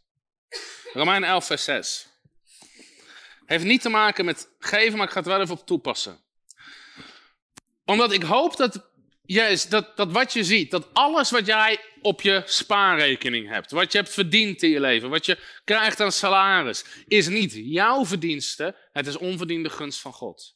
Het is God die jou genade geeft. Hij geeft jou de kracht om vermogen te verwerven. Hij geeft jou de lucht in je longen, de, je hersencapaciteit. Hij geeft het jou. Hij heeft je die baan gegeven. Dat idee van dat bedrijf komt niet van jou, lieverd. Zo slim ben je niet. God heeft dat zaadje erin gelegd. God heeft jou die werking gegeven, dat karakter misschien van dat leiding geven. Als God je dat niet had gegeven, had je geen ondernemer kunnen zijn. Alles is genade. Maar als het door genade is, is het niet meer uit werken. Anders is genade geen genade meer. Romein 11 vers 6. En als het uit werk is, is het geen genade meer. Anders is het werk geen werk meer. Nou, mijn punt is dit. Zolang wij iets zien als onze eigen prestaties, vinden we het moeilijk om te geven. Ik had een vriend van mij. En hij uh, deed een tijd lang voltijd bijbelschool. Toen werd hij ondersteund van giften. En toen, zei, ik vond het zo makkelijk om te geven. Ook van die giften die ik kreeg, gaf ik weer aan andere studenten die het nodig hadden. Ik deelde uit. En toen na die bijbelschool ging ik voltijd werken, kreeg een goede baan. En uh, hij verdiende veel geld. En zei, één keer vond ik het moeilijk om te geven. En hij vroeg zelf, zei, wat is er aan de hand? En God liet hem zien, dat komt omdat je denkt dat je het nu zelf verdiend hebt. Toen hij het kreeg, vond hij het makkelijk om te geven. Maar nu hij dacht van nou, dit heb ik zelf verdiend. Ik heb zelf 40 uur gewerkt deze week. Daarvoor heb ik dit gekregen en verdiend. Toen hij het zag als zijn eigen verdienste, vond hij het moeilijk om te geven. Als het door genade is, is het niet het werken. Anders is het geen genade meer. En als het werken is, is het geen genade meer. Dus hoe zie jij de dingen die God je geeft? Zie je dat als je eigen prestatie of als Gods genade? 2 Korinthe 8 gaan we lezen. 2 Korinthe hoofdstuk 8.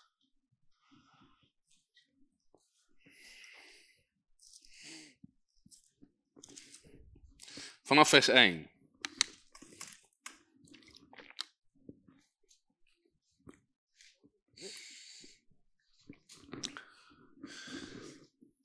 Nou, het is niet voor niks dat je vaak juist ziet in het buitenland. Wist je dat Nederland in de top 3 van meest welvarende landen staat ter wereld?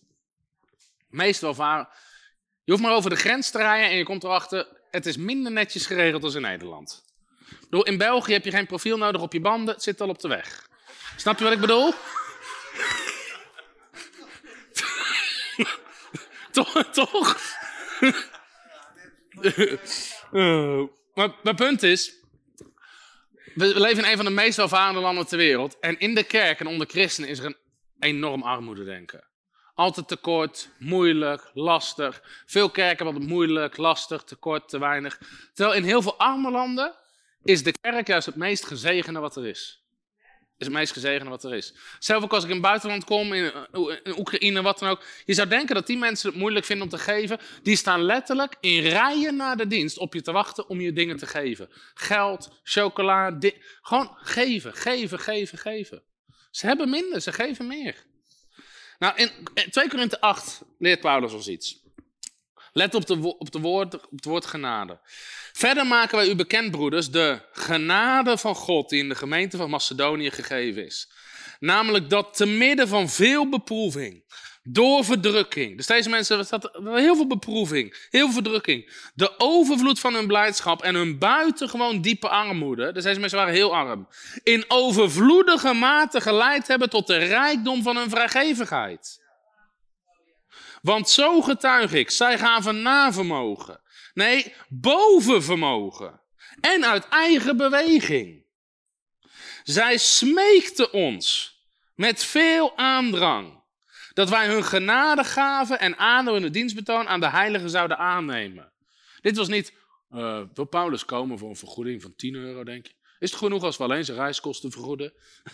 Nee, deze mensen gaven bovenmate boven vermogen. En ze smeekten hem of hij het alsjeblieft mee wilde nemen. Zij deden niet alleen zoals wij gehoopt hadden, maar zij gaven zichzelf eerst aan de Heer en daarna aan ons door de wil van God. Omdat ze hun hele leven over hadden gegeven aan God, vonden ze het niet moeilijk om ook hun financiën te geven. Zo hebben wij dan Titus aangespoord dat hij, zoals hij eerder begonnen was, nu ook de inzameling van deze genadegaven bij u zou voltooien.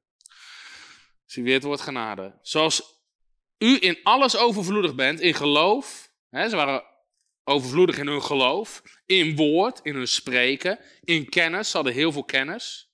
Met alle inzet. Dus ze zetten zich enorm in voor het evangelie. En in uw liefde. Ze waren heel erg overvloedig in liefde. Wees zo ook in deze genadegave overvloedig. Welke? In de genade van het geven. Ik zeg dit niet als bevel, maar om door de inzet van anderen ook de oprechtheid van uw liefde te beproeven. Nou komt hij. Want u kent de genade van onze Heer Jezus Christus. Dat Hij omwille van u arm is geworden, terwijl Hij rijk was, opdat u door zijn armoede rijk zou worden. U kent de genade. Dit gaat over Jezus die aan het kruis ging. Daar had hij helemaal niks meer. Hij hing daar naakt. U kent de genade van onze Heer Jezus Christus, dat Hij deed dat niet voor zichzelf, hij deed dat voor anderen. Dat Hij omwille van u arm is geworden, terwijl Hij rijk was. En ook Jezus bijvoorbeeld is zichzelf helemaal stripte uit de hemel en naar de aarde kwam, terwijl Hij rijk was. Opdat u door zijn armoede rijk zou worden. Nou, Jezus was in staat, door de genade van God, om zelf niks te hebben, zodat anderen alles zouden hebben. En die, en die Macedoniërs hier deden hetzelfde. Die waren in staat om bovenvermogen te geven, om zelf minder te hebben, zodat anderen meer zouden hebben. Nou, dat gaat tegen onze eigen natuur in. Maar dat is genade. Dat was dezelfde genade die de Heer Jezus Christus had. En in het natuurlijke, en we geloven in zaaien en oogsten, want dat legt Paulus het hoofdstuk daarna uit. Maar in het natuurlijke werden zij armer, zodat anderen rijker zouden worden. Geven is foolishness to the world. Als je, en daarom is er zoveel kritiek op offers en in kerken en bedieningen, omdat de wereld, mensen met werelds denken snappen het niet. Die kopen liever een ticket, weten ze waar ze aan toe zijn. Maar offeren, geven, in het natuurlijke heb jij minder, zodat een ander meer heeft. Dat is dwaasheid voor de wereld. Maar het is de genade van onze Heer Jezus Christus. We doen precies hetzelfde als Jezus. Hij had minder, zodat wij alles zouden hebben. En dan zegt Paulus dit in 2 Korinthe hoofdstuk 9. Vanaf vers 6. Maar mijn punt is, het is de genade van God die jou in staat stelt om vrijgevig te zijn. Dan zegt hij dit. Wie karig zaait, dus nou zegt Paulus, nou wat die mensen geven en wat jij geeft is ook een zaad. Wie karig zaait, zal ook karig oogsten. Wie zegenrijk zaait, zal ook zegenrijk oogsten.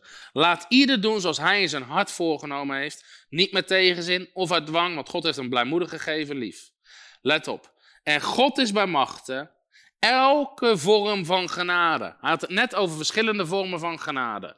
Geloof, liefde, spreken, kennis, dienen. Maar God is bemachtigd elke vorm van genade overvloedig te maken in u. Zodat u, wanneer u in alles altijd al het nodige bezit en overvloedig kan zijn in elk goed werk. Vervolgens legt Paulus uit dat God je zaaigoed wil doen toenemen. Maar er zijn heel veel verschillende soorten van genade. Maar één van de aspecten van de genade van God raakt je financiën. En raakt je bezit. En wat de genade van God doet, is de genade van God maakt je vrijgevig. Maakt je een gever. Want genade leert je. En genade laat je op Jezus lijken. En op God lijken. En God is een gever. En ik bid dat je door de genade van God bekend zal staan in je omgeving als een gever. Want gevers maken de meeste invloed maken de meeste impact. Denk maar na aan de mensen die in positieve zin jouw leven hebben veranderd. Waren dat gevers of waren dat nemers? Dat waren gevers. Mensen die geven maken impact. Daarom zegt de Bijbel ook, Jezus zei, het is gezegender om te geven dan te ontvangen. Nou, en natuurlijke mensen zeggen, nou, doe mij maar ontvangen. Maar Jezus zegt, het is gezegender om te geven dan te ontvangen. En God wil je die genade geven, niet uit eigen kracht. Kan ik getuigen in mijn eigen leven. Voor mijn bekering en wedergeboorte stond ik helemaal niet bekend als vrijgevig. Maar de genade van God heeft me gewoon vrijgevig gemaakt. Er zijn zoveel andere bedieningen ook die we ondersteunen. Zendelingen, evangelisten. Gewoon geven, geven, geven. Geef, laat het gewoon stromen. Waarom? Het is genade van God. En het is niet alleen voor jou, het is door jou.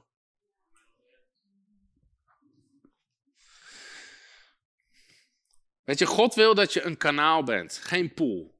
In een pool blijft het staan. Maar God zoekt kanalen om er doorheen te laten stromen. Waarom is de dode zee dood? Omdat er niks uitstroomt. Als ergens iets alleen maar inkomt, maar niet in verhouding uitgaat, sterft iets. Geldt niet alleen voor de dode zee, geldt ook voor jouw lichaam. Amen. Als je alleen maar eet, maar er komt niks uit, dan sterf je. Dan, dat wordt toxic, dat wordt gif in je lichaam. Maar hetzelfde geldt met financiën. Als het erin komt, maar het gaat er niet in de, de mate die God vraagt uit, wordt het toxic. Heb je hebzucht, kom je onder mammon. Weet je, en je hebt mensen die eten als olifanten, maar die poepen als konijnen.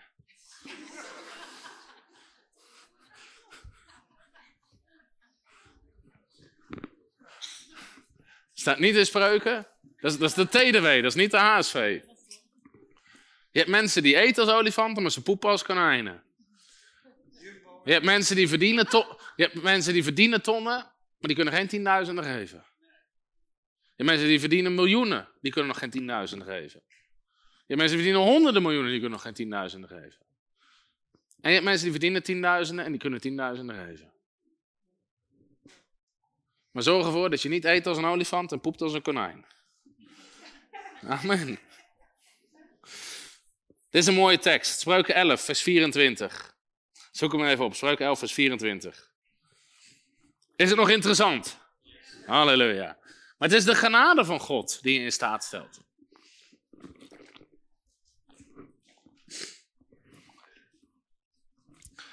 Spreuken 11 vanaf vers 24. Dit is zo'n mooie tekst. Ik lees hem even in twee vertalingen. Eerst de HSV, daarna de Bijbel gewone taal. Er zijn er die mild uitdelen. En wat gebeurt er met die mensen? En nog meer ontvangen. En er zijn er die meer inhouden dan rechtmatig is, maar het is tot gebrek. Een zegenende ziel wordt verzadigd. En wie te drinken geeft, zal ook te drinken krijgen. De Bijbel in gewone taal zegt, mensen die geld weggeven, worden steeds rijker. Maar gierige mensen worden steeds armer. Als je veel weggeeft, krijg je ook veel terug. Als je anderen te drinken geeft, zul je zelf geen dorst hebben. Die is mooi, hè? Maar ik bid gewoon dat de genade van God je extreem vrijgevig zal maken.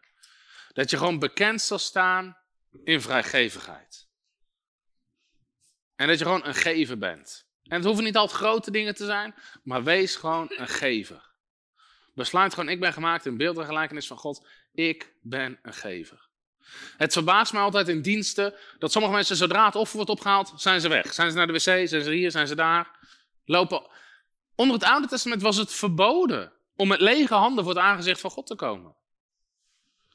En als je dat soort dingen. Weet je, het is juist een voorrecht om te geven. Dat is een groot voorrecht.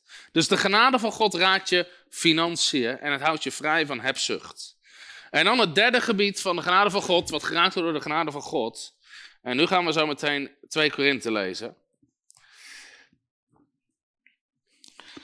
De genade van God geeft jou kracht om lijden, onrecht en moeilijkheden te verdragen. Ook dat is een belangrijk aspect van de genade van God. En iets waar je niet zo heel veel over hoort, maar de genade van God is het die jou de kracht geeft om lijden, onrecht en moeilijkheden te verdragen.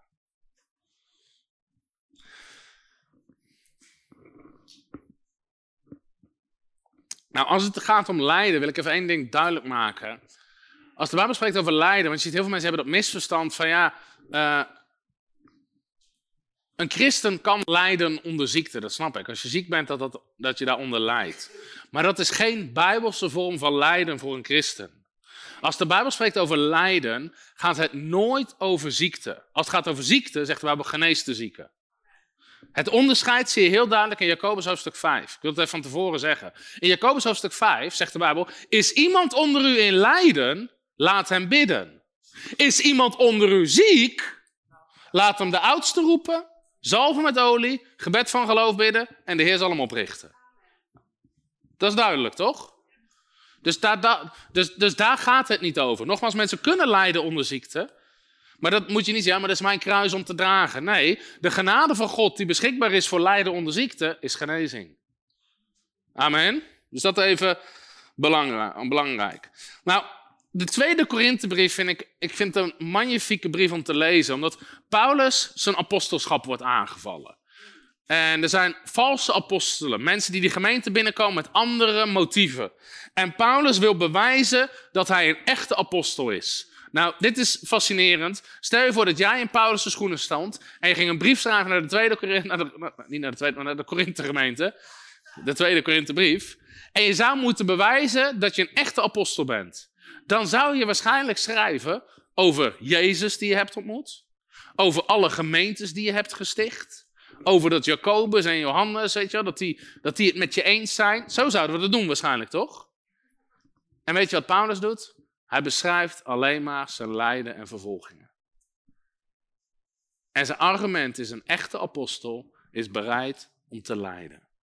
Halleluja, amen. Halleluja, amen. Dat is goed nieuws, zoveel charismatische prediking. nou, laten we eens 2 Korinthe lezen. Ik vind dit altijd fantastisch. 2 Korinthe hoofdstuk 11.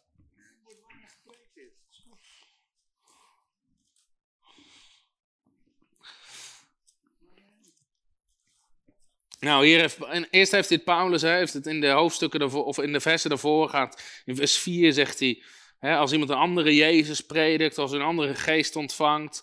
Ik ben niets minder geweest dan die apostelen bij uitstek, heeft hij het over die valse apostelen. nou, dan zegt hij dit.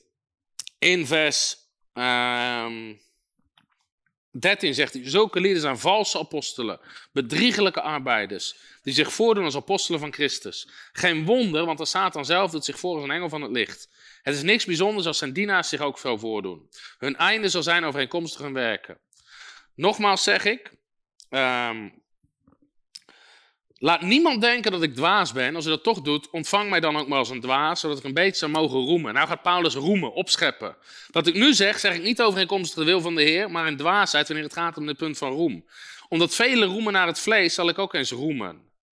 Want u verdraagt met genoegen de dwazen. U bent immers zo wijs. Want u verdraagt het als iemand u tot slaven maakt, als iemand u verslindt, als iemand u afneemt, als iemand zich boven u verheft, als iemand u in het gezicht slaat. Tot eigen oneer zeg ik, wij zijn zwak geweest. Maar waarin iemand ook durf toont, ik spreek met dwaasheid, daarin toon ik ook durf.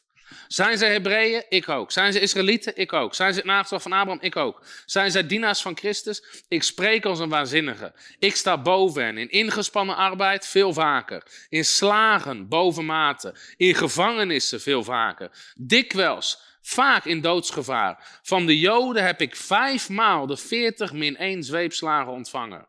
Vijf keer de 40 min 1 zweepslagen ontvangen. Drie maal ben ik met de roede gegezeld. Eenmaal ben ik gestenigd. Drie maal heb ik de schipbreuk geleden. Een heel etmaal heb ik in de volle zee doorgebracht. Op reis was ik vaak in gevaar door rivieren, door rovers, door de kant van volksgenoten, in gevaar van de kant van heidenen, in gevaar in de stad, in gevaar in de woestijn, in gevaar op zee, in gevaar onder valse broeders, in inspanning en moeite, vaak in nachten zonder slaap, in honger, dorst, vaak in vasten, in kou en naaktheid. En afgezien van wat buitenaf komt, overvalt mij nog dagelijks de zorg van alle gemeentes. Nou, dan gaat hij nog verder. Van een knaller. Dan gaan we even naar 2 Korinthe hoofdstuk 12. Dus je, Paulus noemt al zijn vervolgingen en lijden op. En dan zegt hij, te roemen, opscheppen is werkelijk niet gepast voor mij, want ik zal komen op verschijningen en openbaringen van de Heer. Zie je? Gewoon op genade. Ik ken een mens, en dit gaat over hemzelf. Veertien jaar geleden is het. Of het in het lichaam gebeurde, weet ik niet. Of het buiten het lichaam gebeurde, weet ik niet. God weet het, dat zo iemand tot in de derde hemel werd opgenomen. En ik weet van deze mens, of het in het lichaam of buiten het lichaam gebeurde, weet ik niet. God weet het, dat hij werd opgenomen in het paradijs en onuitsprekelijke woorden heeft gehoord. Die een mens niet is geoorloofd om uit te spreken. Over zo iemand zal ik opscheppen. Maar over mijzelf zal ik niets anders roemen dan in mijn zwakheden. Nou, iedere theoloog het over eens, Paulus heeft het met een bruggetje juist over zichzelf. Want gesteld dat ik zou willen roemen, ik zal niet dwaas zijn. Ik zal immers de waarheid spreken, ik onthoud mij er echt van, opdat niemand meer van mij denkt dan wat hij aan mij ziet of hoort. En opdat ik mij door het alles overtreffende karakter van de openbaring. Nou, Paulus had daar in de derde hemel unieke openbaringen ontvangen. Niet zou verheffen, is mij een doren in het vlees gegeven. Een engel van de Satan om mij met vuisten te slaan. Opdat ik mij niet zou verheffen. Hierover heb ik de Heere driemaal gesmeekt dat hij van mij weg zou gaan. Maar hij heeft tegen mij gezegd: Mijn genade is voor u genoeg. Want mijn kracht wordt juist in zwakheid volbracht. Daarom zal ik liever roemen in mijn zwakheden. Opdat de kracht van Christus in mij komt wonen. Daarom heb ik een behagen in zwakheden, in smadelijke behandelingen, in noden, in vervolgingen, in benauwdheden om Christus wil. Want wanneer ik zwak ben, dan ben ik machtig. Prachtig stuk. Nou, dit stuk is dus ook heel vaak verkeerd onderwezen dat Paulus zijn doorn in het vlees ziekte zou zijn. Maar het is geen ziekte. Uit de hele context gaat het over vervolging. Paulus zijn doorn in het vlees was vervolging. Paulus had een bijzondere openbaring ontvangen. Wat was de openbaring die Paulus had, waardoor hij zo vervolgd werd? Was dat Jood en Heiden één nieuwe schepping waren in Christus Jezus. Dat is de reden ook van zijn gevangenschap heel vaak. Zegt hij ook in de Efezebrief. Paulus had meer bijzondere openbaringen van God. En opdat hij zich niet zou verheffen, is hem een doren in het vlees gegeven. Nou, die term doren in het vlees in het Oude Testament sloeg altijd op vijandige volken die Gods volk tegenwerkten. Dus Paulus gebruikt geen nieuwe term. Iedere Israëliet of Jood wist meteen waar hij het over had. Een engel een boodschapper van Satan om mij met vuisten te slaan. Nou, de vraag was, was dat letterlijk een engel die Paulus sloeg? Waarschijnlijk niet, want waarschijnlijk heeft hij spreektaal, we hebben net die tekst gelezen, ook zijn uh, boodschappers doen zich voor als een engel van het licht. Het waren juist die tegenstanders van Paulus. In 1 Korinthe 4 zegt hij ook, tot op dit moment lijden wij honger, dorst, zijn we naakt, worden wij met vuisten geslagen. Dat gaat over constant die fysieke vervolging waar Paulus onder leed. En Paulus vroeg drie keer aan God: Heer, wilt u dit wegnemen? In het natuurlijke zou je kunnen zeggen: Paulus kon zoveel meer bereiken als hij niet in de gevangenis zat. Als hij niet elke keer werd geslagen. Als hij niet zo tegen werd gewerkt. Alleen vervolging is ook een belofte. Allen die godvruchtig willen leven in Christus Jezus, zullen vervolgd worden. En God had het al specifiek tegen Paulus gezegd dat hij zou laten zien hoeveel hij moest lijden omwille van de naam van Christus. Dus Paulus smeekt Heer neem dit weg, maar God zegt nee, mijn genade is genoeg. Ik geef jou genade om hiermee om te gaan. Want mijn kracht wordt juist in zwakheid volbracht. En ondanks dat Paulus in een natuurlijke zwak was, want hij werd van stad tot stad achtervolgd, lezen we in de handelingen, door mensen die hem tegenwerkten, lasterden, logen, opschudding veroorzaakten, moest hij weer vluchten in een mand uit de stad, werd hij gestenigd, in de gevangenis gegooid. In het natuurlijke is dat niet de beste reclame voor je bediening. Dat jij begint te preken, maar achter al een moedende menigte uit de andere stad aankomt lopen. Om te vertellen dat je een verrader bent, een leugenaar bent, een opruier bent, tegen de wet ingaat. En dat had Paulus constant. Wij hebben het online, zo'n hele opruiende menigte. In het natuurlijke zou je zeggen, ja, maar dat is niet het beste om je bediening te promoten. Maar God zegt, mijn genade is genoeg. Ik geef je genade om ermee om te gaan. En mijn kracht wordt juist in zwakheid zichtbaar. Want ondanks al die tegenstand en al die moeilijkheden, verspreidde het evangelie gigantisch. En Paulus zegt, ik heb juist geleerd om in die moeilijkheden te zien dat juist de kracht van God daardoor nog zo veel sterker is. Want je hebt geen mooi verhaal met alles ging goed en er was geen tegenstand, er waren geen dit, er waren geen dat. Juist te midden van die tegenstand zegende God hem gigantisch. En juist de kracht van God werd zichtbaar in zijn zwakheden. Juist waar hij het zelf niet kon doen, kon het alleen maar God zijn die het deed. Dat is het getuigenis van Paulus. En daarom zegt hij, daarom heb ik een, behagen in zwakheden, in smadelijke behandelingen, om Christus wil. Nou, ook wij zullen te maken krijgen met lijden. Het zijn door vervolging, het zijn door allerlei andere dingen. Maar juist in dat soort dingen wordt de kracht van God zichtbaar. Is het sterkste getuigenis van God. Als je in die situaties kan getuigen van wie God is. Laten we even nog lezen 1 Korinthe hoofdstuk 4. Door een paar teksten lezen.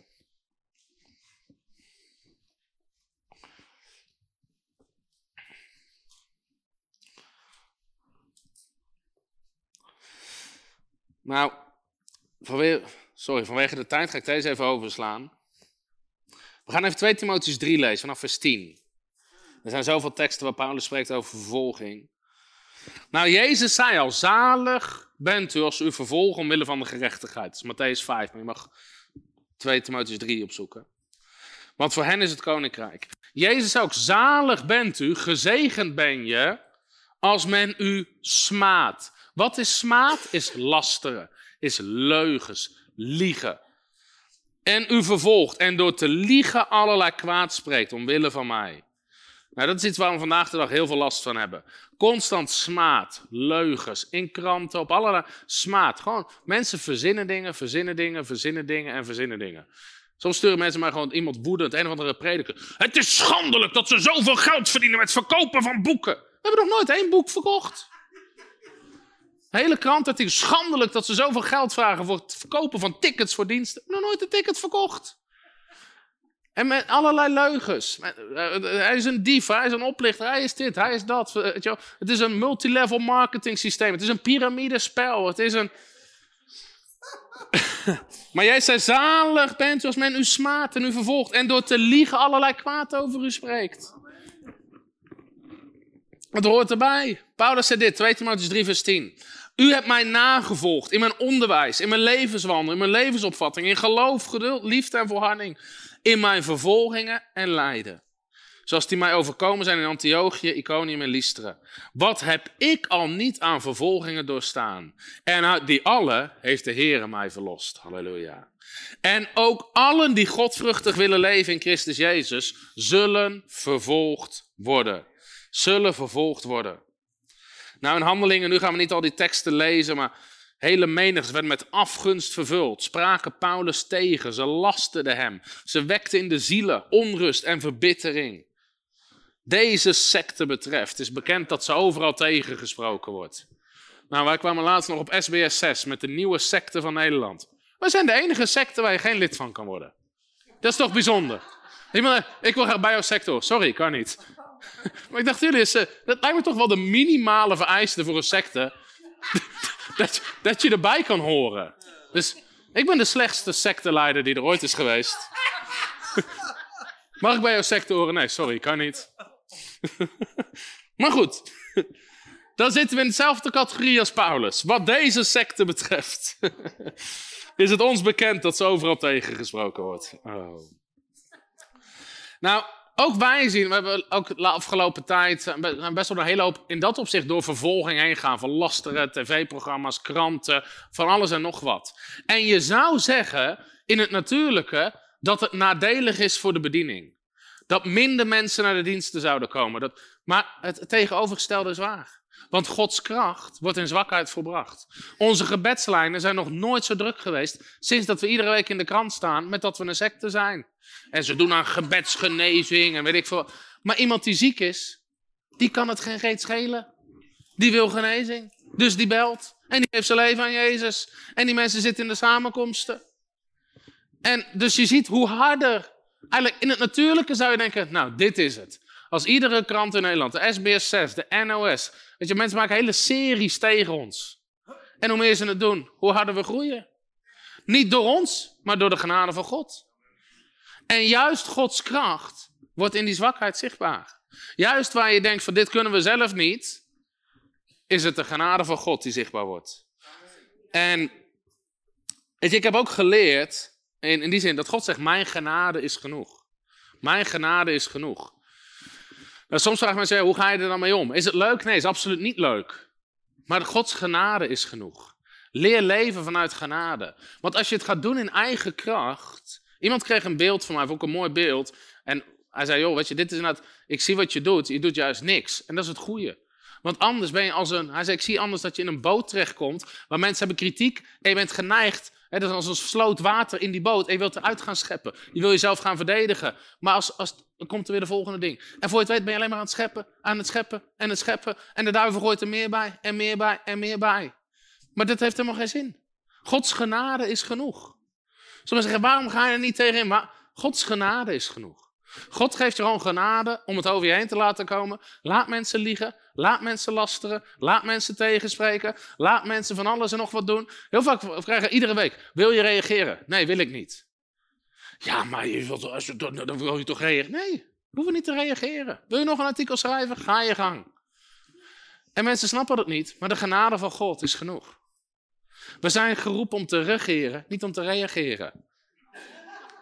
De honden blaffen, maar de karavaan trekt verder. En zonder dwarsliggers kan de trein toch niet rijden. Amen. Zonder dwarsliggers kan de trein niet rijden.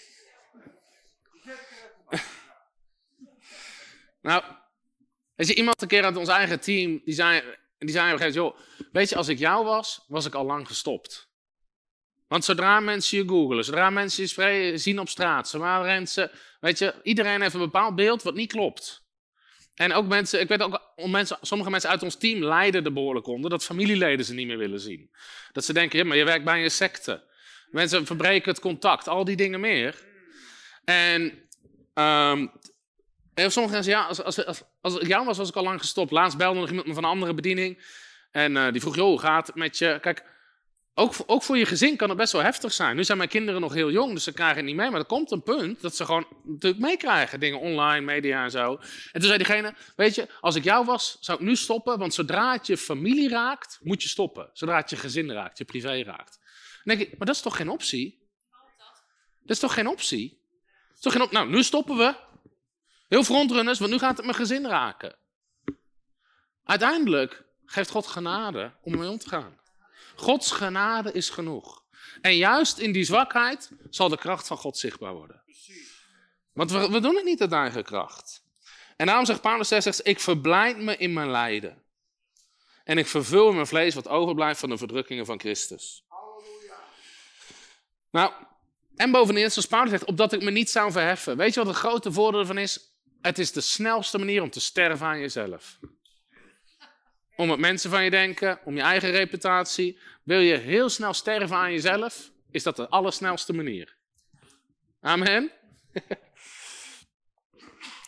De laatste tekst die ik wil lezen is 1 Petrus 2, vers. Oh, ik dacht 5, vers 12.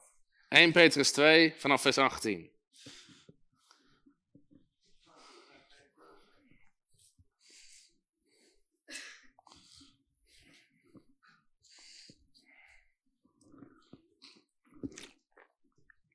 Want dit gaat niet alleen over vervolging, maar ook over breder. 1 Petrus 5 vers 18. Daar staat dit. Huisslaven, wees uw meester met alle ontzag onderdanig. Niet alleen hun die goed en welwillend zijn, maar ook hen die verkeerd handelen. Want dat is genade. Als jij verkeerd behandeld wordt, maar je gaat daar niet tegen in, nou, dit is het ding. Wij zijn soms zo sterk in onze rechten. Maar het werkt niet met rechten. Ik zeg, ik zeg het altijd, wil je recht, ga naar de hel. Dat is je recht. Zeg ik wel eens tegen mensen. Staan ze helemaal aan te kijken, zeg je nou? Je hel, de hel, dat is je recht. Als je voor de troon van God staat, vraag je niet om recht, je vraagt om genade. De mooiste mensen zijn mensen die leren leven uit genade. Mensen die overal op hun rechten staan, zijn de meest vervelende mensen die er zijn. Dat is echt zo. Leef uit genade. Want dat is genade. Als iemand om het geweten voor God dingen verdraagt die hem pijn doen en daarbij ten onrechte leidt. Dus je verdraagt dingen die je pijn doen. Je leidt ten onrechte. Dan is dat genade. Want wat voor roem is er als u het geduldig verdraagt en u zondigt en daarvoor slagen ontvangt. Maar als u het geduldig verdraagt en u goed doet, dus je doet goede dingen en toch leidt je daarvoor, is dat genade bij God. Want Jezus deed precies hetzelfde. Hij deed goede dingen en toch leidde hij. Toch leed hij. Want hiertoe bent u geroepen, omdat ook Christus voor ons geleden heeft, laat hij ons zo een voorbeeld na, opdat u zijn voetsporen zou navolgen.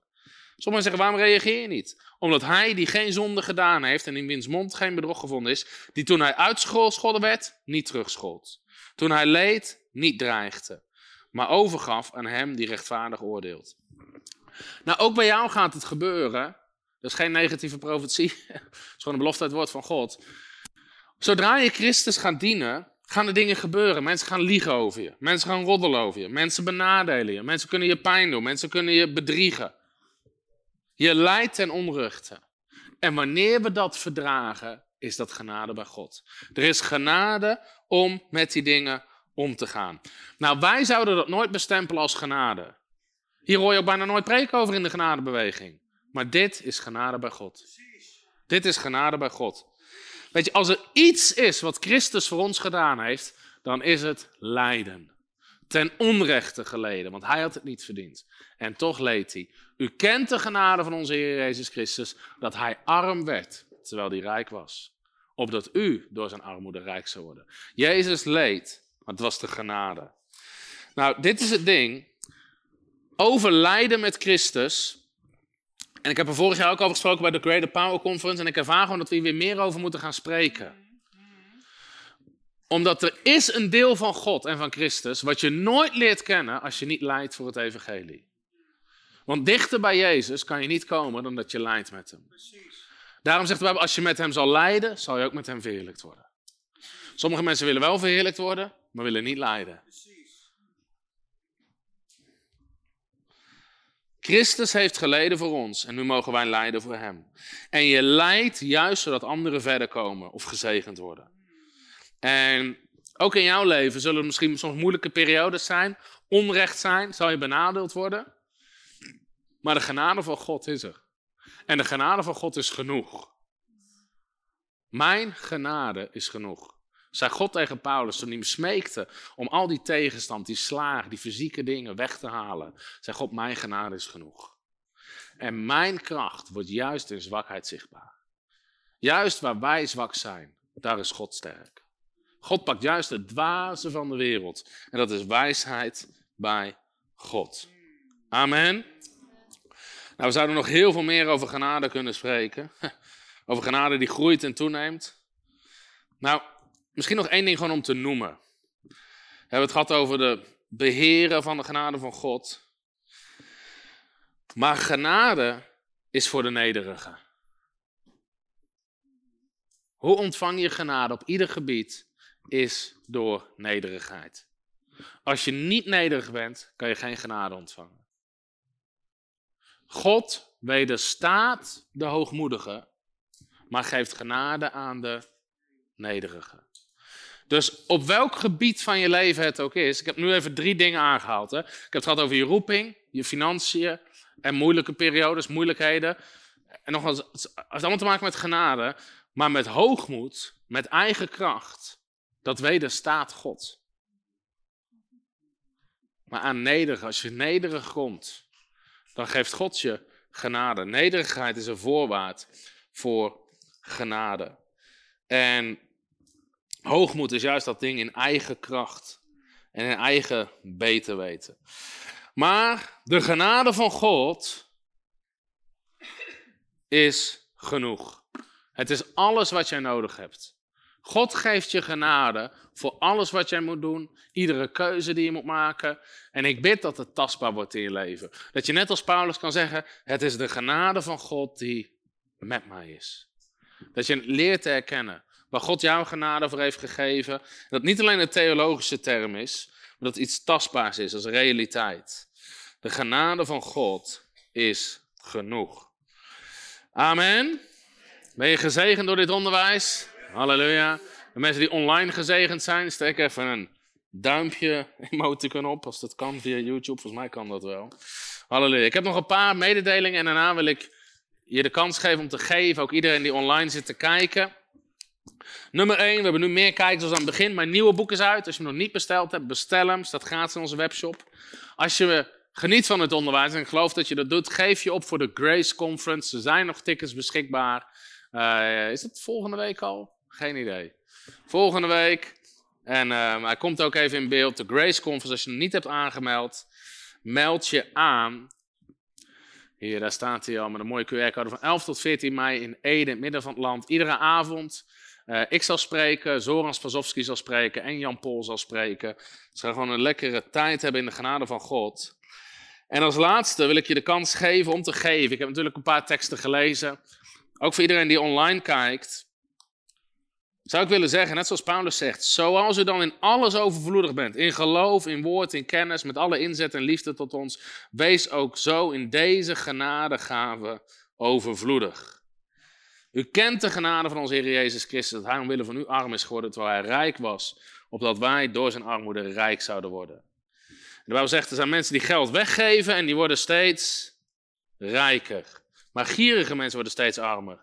Als je veel weggeeft, krijg je veel terug. Als je anderen te drinken geeft, zul je zelf dorst hebben. Dus we hebben het gehad over, zorg dat je niet eet als een olifant en poept als een konijn. Amen. Nou, ik wil iedereen die kijkt, ook online, als je nog geen partner bent, ik wil je van harte uitnodigen, word partner van Frontrunners. Je helpt ons gewoon om letterlijk honderdduizenden, miljoenen mensen te bereiken met evangelie, gratis boeken weg te geven. Dus als je geen partner bent, word partner. Je wordt een medearbeider van de waarheid, je deelt in de vrucht. En je verzamelt schatten in de hemel. En alles wat je geeft is een zaad. Dus word partner. Je helpt ons met de boeken, met de gratis fulltime school. Ook als je dit kijkt en je ervaart dat je roeping hebt op je leven. op een voltijd bijbelschool waar we mensen in trainen. Ook misschien als je hier zit in de zaal. Gaat in september starten. En uh, kom naar een open avond als je een roeping ervaart voor voltijdbediening. Maar ook iedereen die partner is, helpt daaraan mee. Omdat het grote nadeel wat ik altijd zag met een voltijdschool, het zijn vaak relatief jonge mensen. Um, maar die hebben niet duizenden euro's op de plank liggen om een aantal jaar voltijd te studeren in de Bijbelschool. Dus je ziet heel veel scholen die een tussenweg zoeken met uh, drie ochtenden les en de middagen kan je werken. En, maar uiteindelijk zie je gewoon dat het niet echt doordringt. Daarom hebben we gezegd, wij gaan gewoon de hele school gratis maken. Naar mijn weten zijn we de enige voltijd Bijbelschool ter wereld. Waar mensen gewoon drie jaar lang voltijd getraind kunnen worden en het is gratis. Omdat wij geloven dat het tijd is om een nieuwe generatie op te richten voor het Koninkrijk van God. Dus, uh, maar iedereen die partner is, jij helpt daaraan mee om die nieuwe generatie te trainen. Dus als je nog geen partner bent, word partner. Um, als je partner bent, je kan je partnerschap ook verhogen. We hebben de laatste tijd heel veel verhogingen gehad, daar zijn we heel blij mee. Krijg je wel eens van die brieven dat uh, bijvoorbeeld van de sportschool, van de energiemaatschappij zegt, ja, er is 7% inflatie, dus nu is je contract 7% duurder. Krijg je die dingen wel eens? Jullie niet? Bij welke, welke energiemaatschappij zitten jullie?